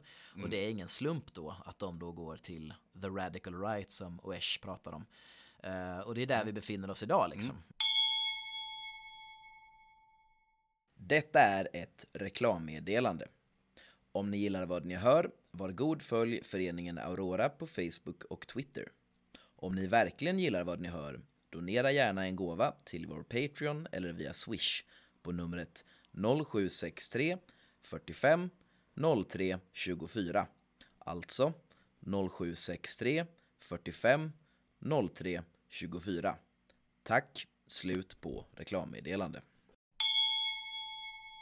Men ja, det var mycket om det. Vi ska riksdagsvalet 2022. Precis. alltså, eh, Context, context, context. Det är... Ska vi börja med Vänsterpartiet kanske? Mm. Då tar vi Vänsterpartiet först då. Ja, och de Nu har skriver, vi ändå pratat om dem och Ja, deras... precis. eh, Sådär. Vänsterpartiet, eh, vi tänkte utgå från just allas valmanifest då. Eh, och kanske göra lite inslag från vad vi sett i eh, debatter och så vidare. Men valmanifest är i alla fall vad de på en idealtypisk nivå säger att det här är vad vi vill specifikt det här valet. Det är deras mest konkreta politiska uttryck. Och Vänsterpartiet är lite annorlunda från de andra partierna för att man antog sin valplattform som man kallar det väldigt tidigt, redan i februari. Eh, antaget av Vänsterpartiets 44 kongress 4-6 februari 2022. Så man var tidigt ute med att bestämma sin linje. Sen har vi sett hur Nooshi Dadgostar i intervjuer har avvikit väldigt mycket från partilinjen. Eh, Säger lite vad hon vill i mycket energifrågor och miljöfrågor och sådär. Mm. Det har ju hänt eh, en del i världspolitiken och eh, ekono ekonomin Ja, sedan februari. det har hänt ganska mycket. Ehm, ja, jag tänkte på en sak. Det var morgonpasset i P3 har ju här roasts av partiledarna. Eh, och eh, de är väl sådär. Men något roligt de sa då var väl att så här, man har övergett kommunismen men haft kvar stalinismen. Det är att man har så här, total toppstyrning av partiet. Och den Nooshi Dadgostar bara kan byta linje totalt i en fråga. Och man får bara liksom ansluta sig till det. Det. Den byråkratiska centralismen som Mm. det trotskistiska arvet hade uttryckt det. Eh, nej, men det är lite kul. Men det är väl också en konsekvens av att man antar ett sånt här utförligt program. Det är på 17 sidor, vilket ändå är relativt mycket. Eh, att man antar det så tidigt så behöver man väl, ja, man behöver vara dynamisk, eh, särskilt i dessa tider. Fulast designat valprogram, Times New Roman, bara inklistrat i ett pdf-dokument, så ingen eh, grafisk design. Det hedrar väl dem i och för sig, att de inte håller på och tramsar. Men N- Nu är Aurora Podcast inne på sin djupa valkritik här. Den estetiska valanalysen. Men ändå rotat i klass på något sätt kanske. Ja. Times New Roman, akademikernas val av font. Ja, precis. Eh, jag tror man kan dela upp deras program i tre delar. Eh, och de har eh, ett offensivt program som är vad de lovar att göra och det är de ändå ganska ensamma om att ha. Som liksom en stor reformpaket och det är ju då The Green New Deal. Det är ett fenomen som Daniel Suhonen och flera pratat om. Alltså den gröna nya given har ju Katalys kallat det. Som har ingen fantasi men det kommer från Roosevelt då. I USA när han eh, gör keynesiansk stimuleringspolitik, gör jättestora investeringar, stimulerar, skapar jobb, bla bla bla. Det här vill eh, vänstern idag göra med miljöpolitik, att klimatomställningen. Och det här är väl någonting som Bernie Sanders och, och den amerikanska nya vänstern pratar ja, väldigt mycket om. Vi har faktiskt i vår lilla buffert har vi ett avsnitt som diskuterar eh, det här eh, väldigt, väldigt utförligt, så det har ni att se fram emot. Men kortfattat är det att man ska belåna sig väldigt, väldigt mycket för att göra stora investeringar i, särskilt då i klimatomställningen, men man har även talat om eh, välfärden och infrastruktur och så. Och rent ekonomiskt så kan väl det stora problemet med det här vara att vad ska man säga, eh, klassisk keynesianism är ju att man gör eh, insatsinvesteringar som den privata sektorn inte har råd med för att stimulera investeringar. Det klassiska exemplet är ingen enskild firma har kanske vill ta risken att bryta en helt ny gruva. Men om staten via mm. då kanske LKAB går in och gör det, nu är LKAB ett dåligt exempel för de sköter ju driften också sådär, men i teorin då staten bryter upp en ny gruva och då strömmar de privata investeringarna dit liksom. Eh, att staten skapar liksom de här förutsättningarna för det, staten i en period och bygger ut eh, den nödvändiga infrastrukturen för mm. företag som kan vara. Men min uppfattning av den, eh, de här klimatinvesteringarna som man pratar om är väldigt mycket att man belånar sig väldigt mycket för investeringar i saker som man alltså det finns inget produktivitetsperspektiv på det överhuvudtaget. Det är bara att man strösslar pengar och stimulerar mm. ekonomin då. Att man kanske skapar jobb, skapar jobb inom offentlig sektor har varit en grej för att öka köpkraften. Mm. Om man har liksom ett klassiskt marxistiskt produktivitetsbegrepp här så är frågan om att så här, varför ger ni inte bara folk bidrag i princip? För att det är klart att de här jobben kan vara nyttiga och bra. Men det här är inte alls någonting som ökar liksom produktiviteten i svensk ekonomi och så. Så man, jag tror inte att det kommer leda till de effekterna de tror att det kommer göra. Det man vill göra är ett massivt grönt investeringsprogram och satsningar på ny teknik, ett program med utgångspunkt i uppdaterade klimatmål för alla utsläpp som svensk politik har inflytande över. Um, och alltså vad man pratar om den här investeringen, alltså jag blir alltid väldigt misstänksam när man pratar om att vi ska investera i teknologi. För det är alltid så här, man tror, det är att man gör en rent kvantitativ fråga av det, att man kan bara strössla pengar på forskning så kommer det liksom komma högre produktiv industri Och det, vilket inte alls är en garanti. Eh, och det är alltid lite att man bara lovar ut något. Men mycket så är det, det man har pratat om när det har varit mer konkret är ju att man ska bygga ut typ solpaneler, man ska bygga ut vindkraftverk. Men det här är ju sortens arbete som inte alltså, anställer så, det är inte så arbetskraft. Det är inte så arbetsintensivt liksom. Det är ofta tekniker, ingenjörer som anlitas för sånt här liksom. Och det är inte alls samma sak som att slå upp en massa nya bilfabriker. Um, så jag tror väl att det här lite är en, um, men jag menar de pratar ju då om att jo men det kommer stimulera ekonomin, köpkraften. Men den gröna nya dealen tilltalar inte arbetarväljare? För... Nej, alltså jag tror väl att de hoppas att den gör det.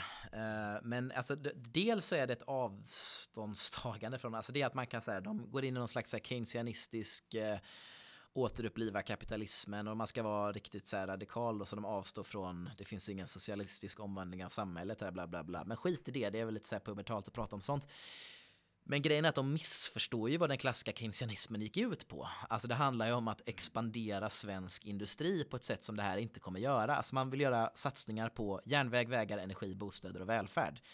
Järnväg, vad man pratar om där är ju att bygga höghastighetståg i princip. Alltså det är inte en utbyggnad av den svenska järnvägen på samma sätt. Nej, alltså som kommer leda till högre produktivitet Nej, alltså, i ekonomin. Det som järnvägstransporter kan göra är såklart att minska omslagshastigheten i, alltså i kapitalprocessen, vilket då inte i strikt mening ökar produktiviteten, men det kan öka effektiviteten så till den grad att produktiviteten blir högre.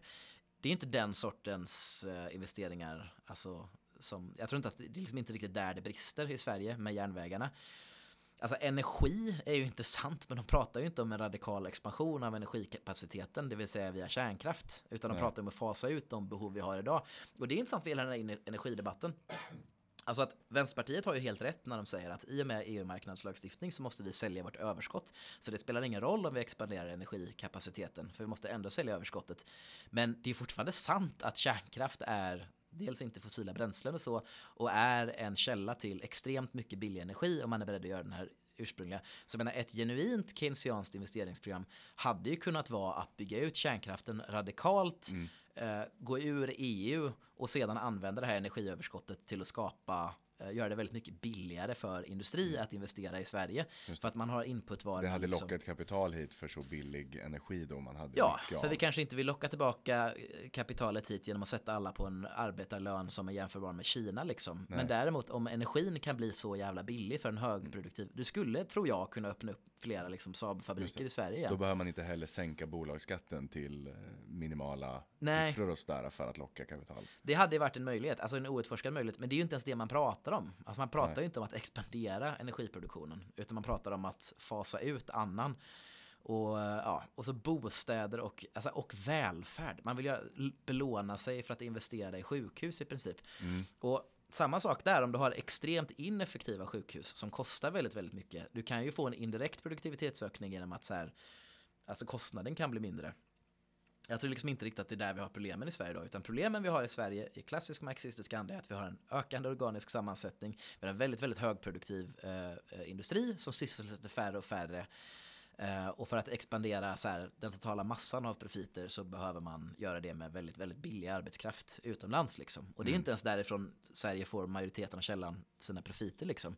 Men man får, det är där man kan expandera. Och om man skulle vilja expandera i Sverige utan att total exploatera arbetarklassen och inte övergå till en planekonomi så är det Alltså du skulle behöva göra andra saker billiga helt enkelt. Och då är det, jag tror inte att du kan göra det genom ökat kapitalomslag eller eh, effektivisering av sekundära funktioner som liksom välfärd och reproduktion av arbets arbetskraften. Utan jag tror du kan göra det via energi om du kan göra det via någonting. Och då kan du fortfarande inte gå tillbaka till den direkta efterkrigstiden.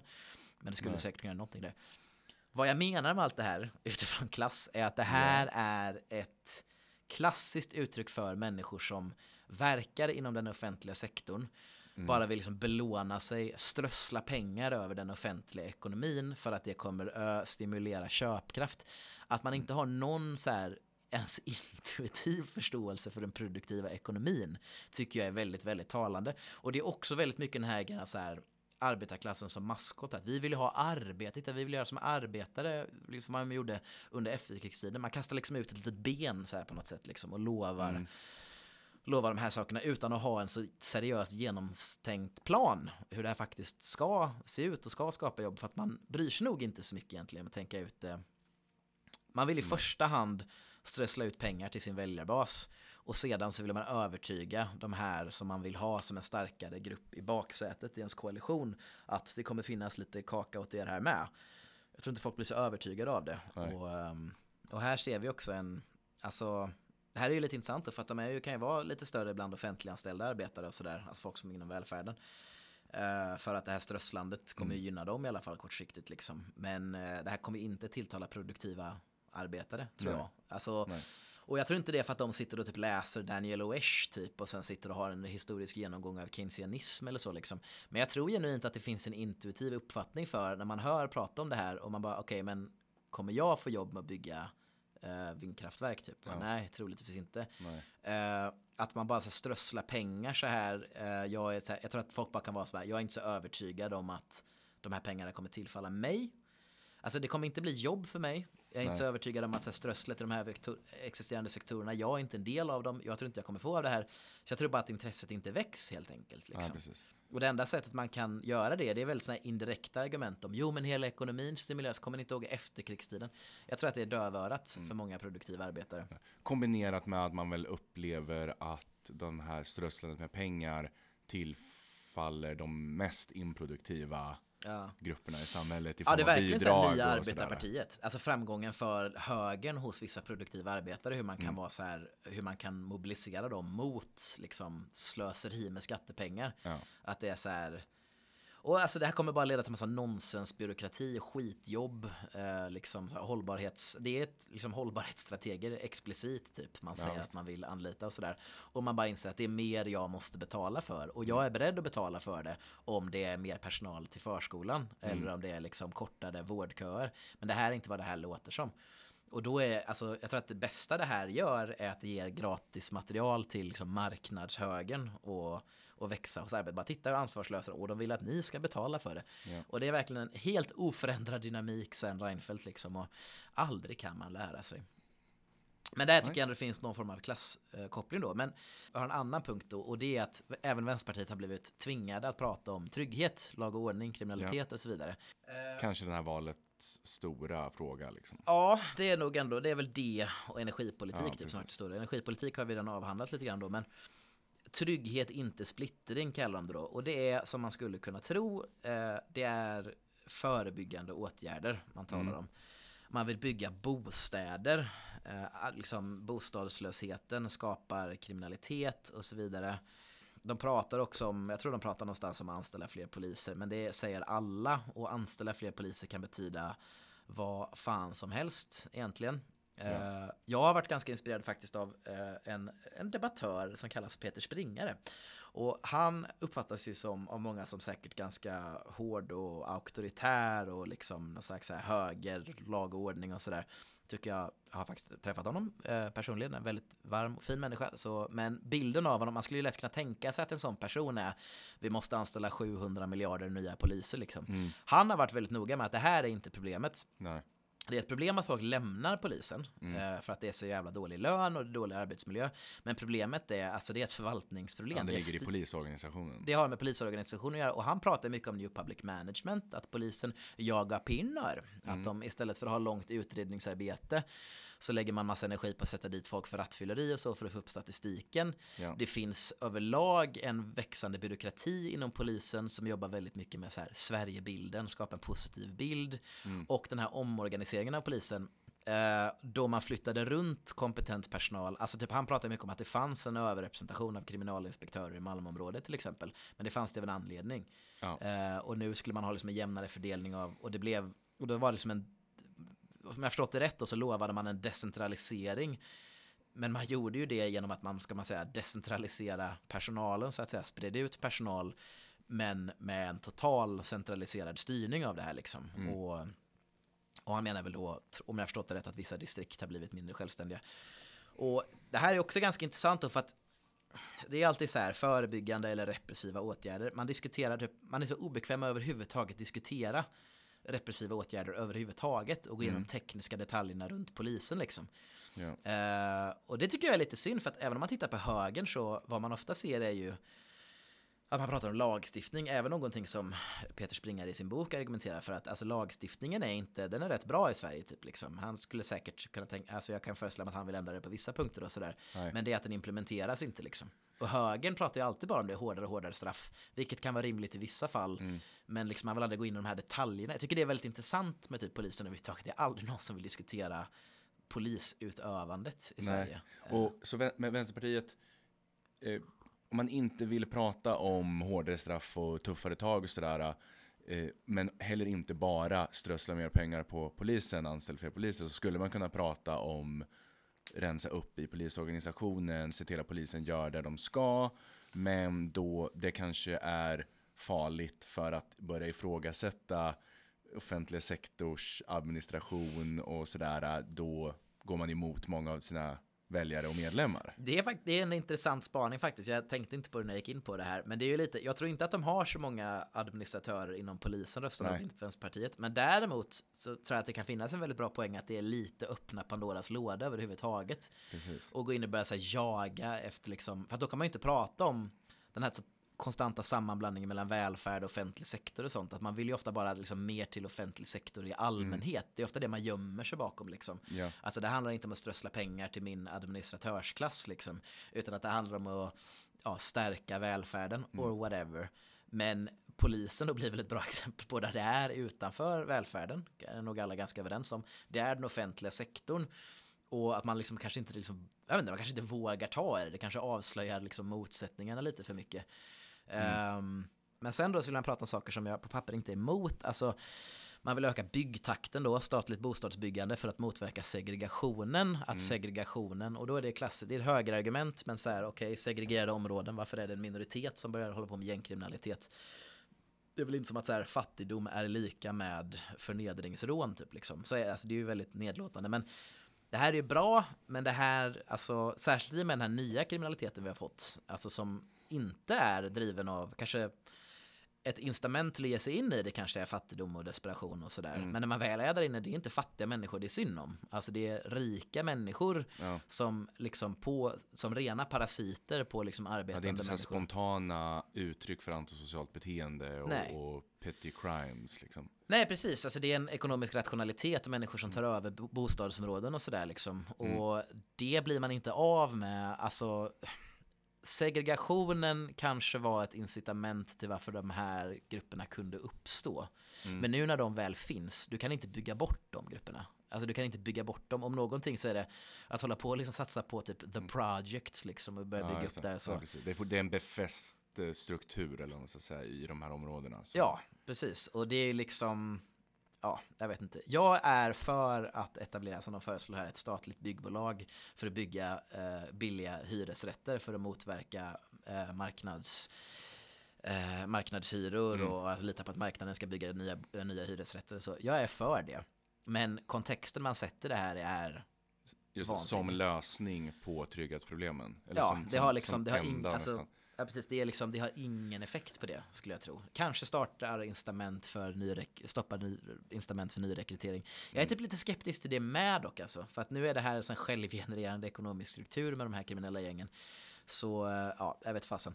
Och sen så blir det så här, man ska satsa på a-kassan och LSS, men då pratar och då går de över till att prata om trygghet i allmänhet. Alltså det är det här hur man jag vet inte, man släptar över lite vad man pratar om och så, ja, jag vet inte.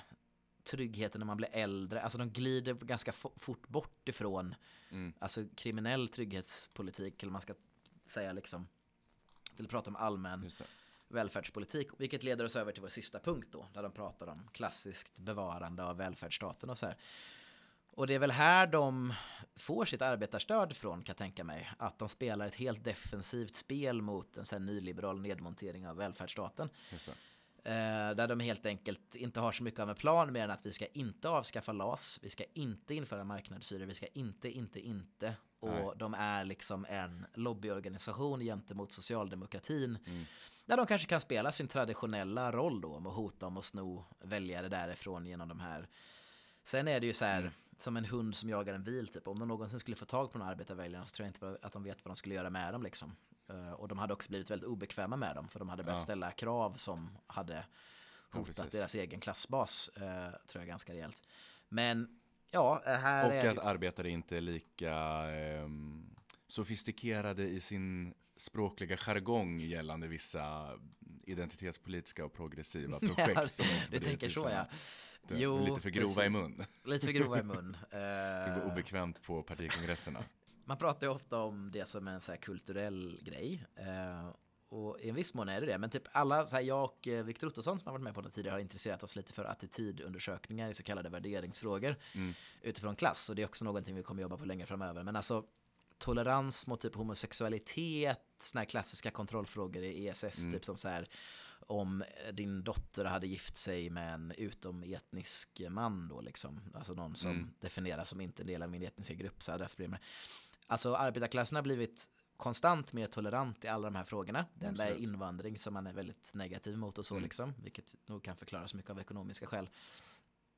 Och man är kanske inte den mest progressiva gruppen. eh, man är mer progressiv än företagare och sådär.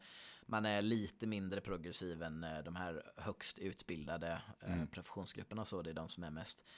Men alltså det är typ inte ett stort problem. Men ofta har man ju att säga att man säger jag vet inte, man, bara- en sån enkel sak att man säger så här, "Ah, jag har inget emot bögar, bara de inte tafsar på mig.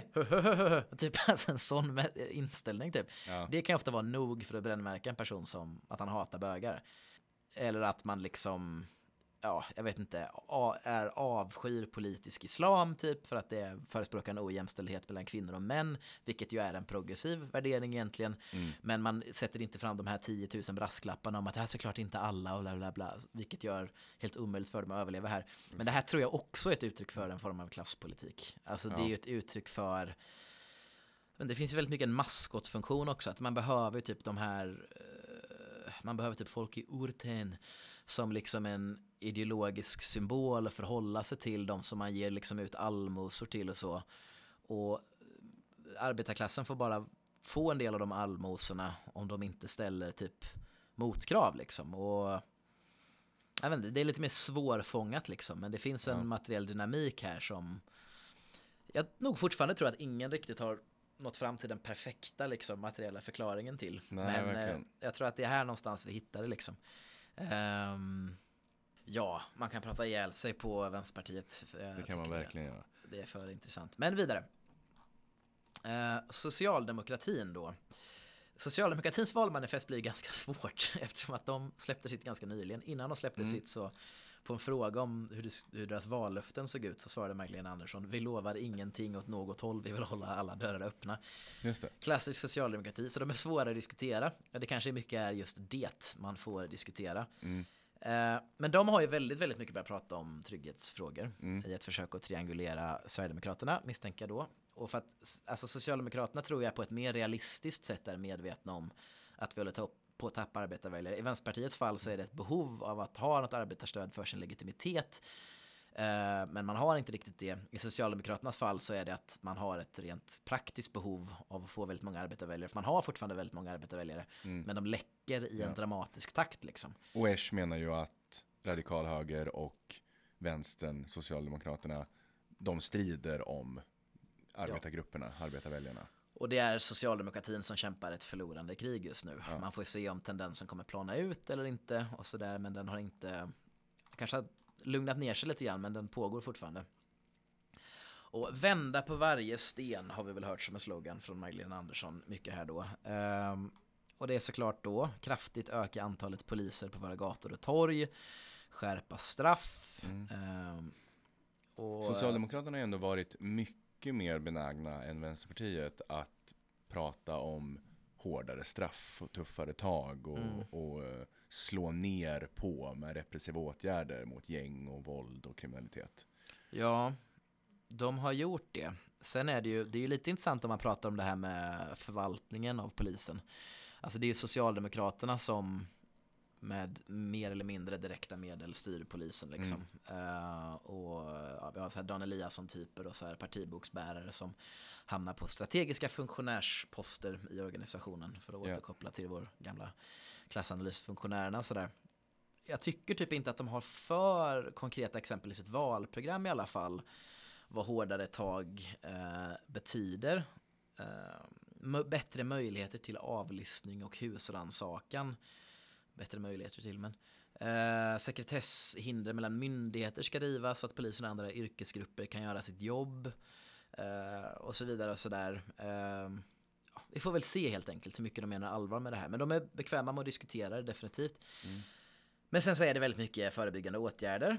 Och då är det att de mest utsatta skolorna och förskolorna måste få eh, mer resurser, tillgång till fritidsaktiviteter till rimliga kostnader. Och det är det här för, alltså jag vill inte skriva av förebyggande åtgärder överhuvudtaget. Alltså det finns en, det är ju intressant att fråga sig varför fanns inte den här kriminaliteten för några år sedan? SD hade ju bara sagt, ja, för att vi har en massa invandrare. Och det är väl sant i en viss mån. Alltså invandrare, vissa invandrargrupper är väldigt överrepresenterade i. Jag är fortfarande inte så jag är inte benägen att säga att det finns någon kriminell gen hos syrier eller någonting och fortfarande viktigt att den absoluta majoriteten av alla från de här grupperna är ju inte Nej. gängkriminella. Jag tror väl inte att SD heller menar att det finns en kriminell gen så jag ska inte vara så eh, orättvis mot dem. Men det räcker ju inte bara att säga att det är på grund av invandringen. Jo, det är klart, men det är samtidigt det är en faktor som jag vet inte, det blir lite den här, man kan dränka ett land i bensin men man måste fortfarande tända, alltså, tända elden på något sätt liksom. Och det är ju någon Mm. dynamik här som har gjort att det här har skett liksom. Jag tror inte, alltså jag själv som jobbade i förskolan har reagerat mycket på det här med mer resurser till förskolan. Och det är så här, vad i helvete ska jag göra mot att liksom, Ja. mot att folk eh, börjar eh, engagera sig i gängkriminalitet. Det förskolan kan göra är att ha en kontakt med Socialstyrelsen liksom anmäla mer och sådär. Men det är ju mer som en intermediär funktion då till ja, Mm. de grupper som Alltså, jag vet inte, även, rep, även det förebyggande måste ju på något sätt vara repressivt. Jag tror att det bäst förebyggande man kan göra är ju typ Alltså Alva Myrdalsk, folkhemsk, liksom vansinniga ingrepp i folks privatliv, eh, liksom oroligheter Mm. i familjen och sådär. Sprida ut människor över landet, typ sådana saker känns det som att det är mer rimligt egentligen. Det, jag tror inte att segregationen man löser så mycket om man inte statligt typ flyttar på människor, alltså över hela landet och då måste det finnas platser för dem att bo liksom. Men jag tror liksom att jag har svårt att se hur segregationen skulle kunna bytas genom att bygga fler typ billiga hyresrätter i typ Biskopsgården igen Mm. liksom. Det är så här, vad, Mm. vad ska det här göra? Men då ska man bygga fler billiga hyresrätter typ i centrala Göteborg. Vi har billiga, relativt billiga hyresrätter i Majerna i Göteborg till exempel. Vilka är det som bor där? Det är de arbetare som har lyckats här, klämma fast vid sina bostäder i typ 40 år. Och sen Ja. så är det nyinflyttade studenter, det är de som hamnar där. Mm. Så jag tror inte att det här riktigt bryter segregationen heller. Men ja, kopplat till klass, det blir väl liksom lite som vänsterpartidiskussionen här, bara det att man är mer villig att gå dit liksom.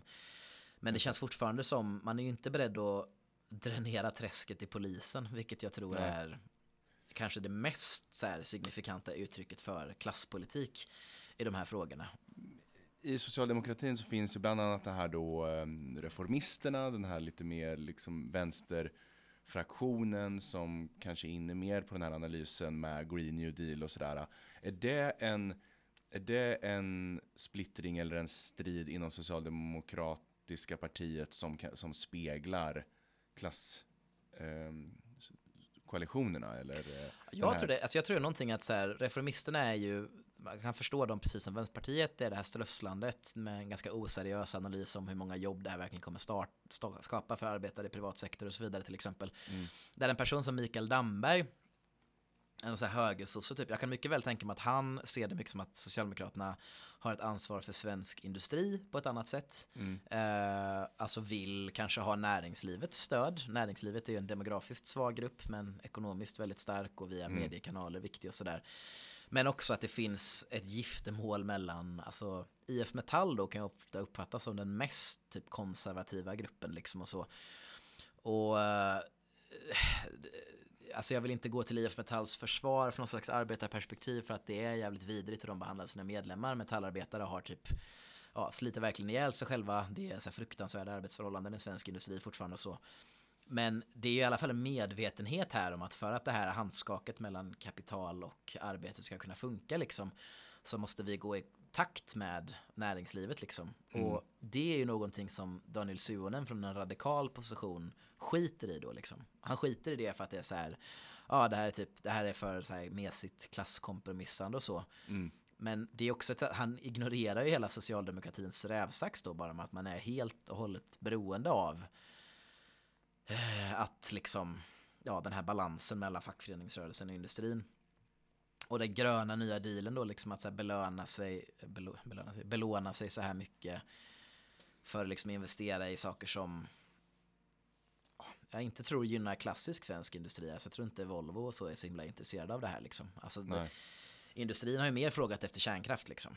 Ja. Eh, och sådana billiga, energi, billiga energilösningar. Så jag tror att det finns en konflikt inom socialdemokratin här där jag det tar ju väldigt mycket emot att göra personer som Mikael Damberg till så här det produktiva proletariatets främsta företrädare. Men han är ju åtminstone, han är ju han är ju den gamla korporativistiska modellens företrädare för något sätt. Mm. Som är en mindre och mindre effektiv modell som är ganska vidrig i hur den liksom tvingar arbetare bara hålla käft och dansa efter näringslivet och så vidare. Mm. Men liksom, han är ju den som faktiskt försöker hålla vid liv i en så här sklerotisk, säger man det, eh, så här döende socialdemokratisk korporativism liksom.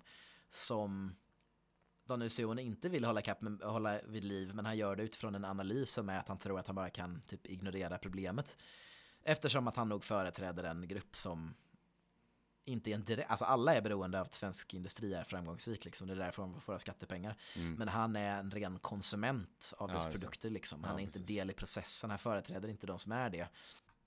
Vad har vi mer utifrån eh, Socialdemokraternas politiska uttryck i, i, i det nuvarande riksdagsvalet? Eller det Alltså stundande? utöver det här nu så tycker jag att här börjar egentligen deras program sedan spela över till samma sak som Vänsterpartiet pratar om. Eh, alltså de pratar egentligen om allmänt mer resurser till välfärden, eh, strösslande av pengar, rusta upp offentliga sektorn, gör inte för tydliga distinktioner mellan så här golvsnivå och administrationsnivå. De har också då anslutit sig till vinstförbud i skolan. Ehm, och förbud mot nya religiösa friskolor. Mm. Eh, så det är lite intressant. Och varför de till slut flippar över till den positionen då är väl där kan jag tänka mig att det väger tyngre med vad typ så skolpersonal tycker om privata skolor. Och jag tror att det är ganska impopulärt eftersom att de, ja, de tjänar ju vinst på att anställa så få lärare som möjligt och försämra arbetsmiljön. Liksom. Mm. Så där finns det nog en stark efterfrågan. Och där liksom de, vad ska man säga, socialdemokratin har en intim relation till svensk industri, klassisk svensk borgerlighet. Men socialdemokratin kan jag tänka mig inte har så mycket av en eh, betydelsefull relation till den här nya skapa marknader inom staten. Det fanns väl typ en förhoppning om det under så här den tredje vägen Ja, typ liksom. Och, eh, men jag, jag tror nog genuint att det inte är en så stark kraft inom socialdemokratin med eh, Alltså de enda som tycker om de här marknadsreformerna inom välfärden det är ju bara Mm. Timbro typ liksom. Ja. Så det är inte så svårt för Socialdemokraterna att ta ett sånt här ställningstagande helt enkelt. Nej, jag tror inte det. Och jag tror då att, att faktiskt så här, eh, fackföreningsstrukturer runt, runt lärare som de inte har total dominans i men goda relationer till Mm. väger tyngre liksom. Men eh, man kan avslutningsvis säga att de har en väldigt allmän hållning runt välfärd och bla bla bla. Men de har ju också då en punkt om fritt och oberoende kulturliv. Och vad innebär det då? Jo, man ska värna mediestödet och man ska lagstadga public service och ge mer stöd till kulturskolor.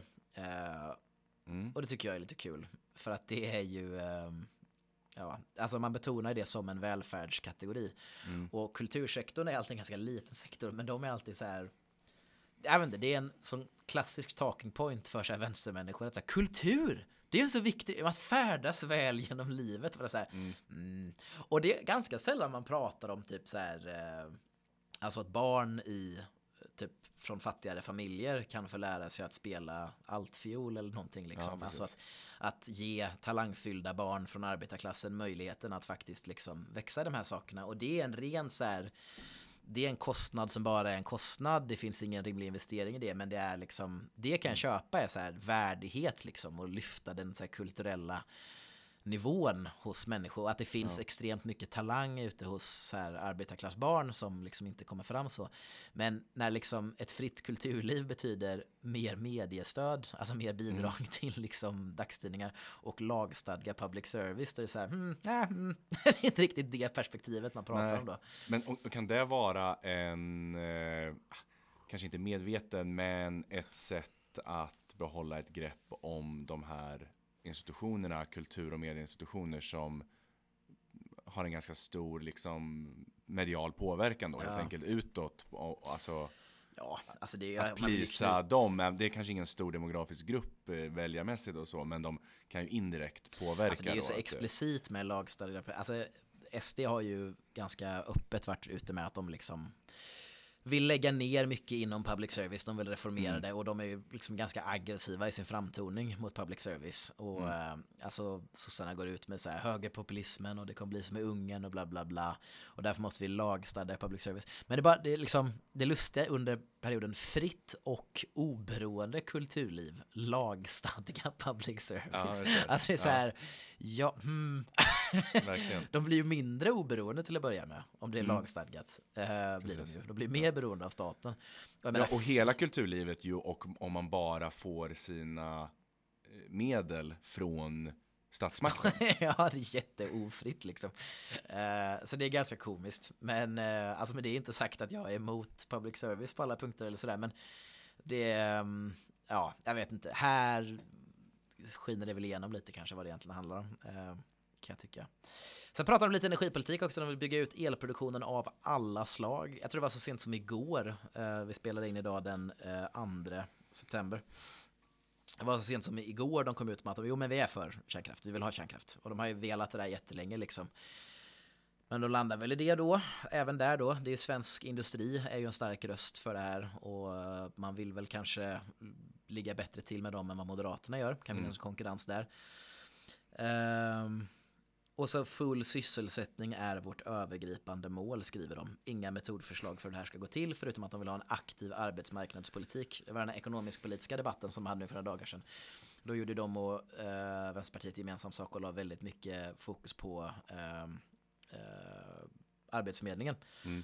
Och att OVI var nära på att lägga ner Arbetsförmedlingen där och det hade varit väldigt illa liksom att det är Arbetsförmedlingen som är aktiv arbetsmarknadspolitik. Alltså en institution som uppstår när Svensk industri expanderar enormt och man måste bara informera folk om vart jobben finns. Och sen så krymper. Sortera och eh, peka ut. Precis, och så krymper det här jättemycket och så har man kvar den här lilla dirigenten utan en orkester liksom som bara ska så här, "Äh, vart ska vi? Eller ja, han, orkestern är väl kvar, inga instrument bara. Nej. Men spelarna är kvar liksom. Så det är väl så här, ja, det är väl bra med arbets, Arbetsförmedlingen, men jag vet inte riktigt vad den gör just nu, förutom att sätta folk i eh, så här fas 3-liknande arbeten och så. Ja, nej men det kanske, vi kanske ska ge oss där för idag. Vi har ju eh, introducerat hela analysen nu och gått igenom den eh, traditionella vänstern. Vi har de traditionella högerpartierna kvar och de nya partierna som vi borde kunna avhandla innan valdagen eh, och släppa innan nästa söndag.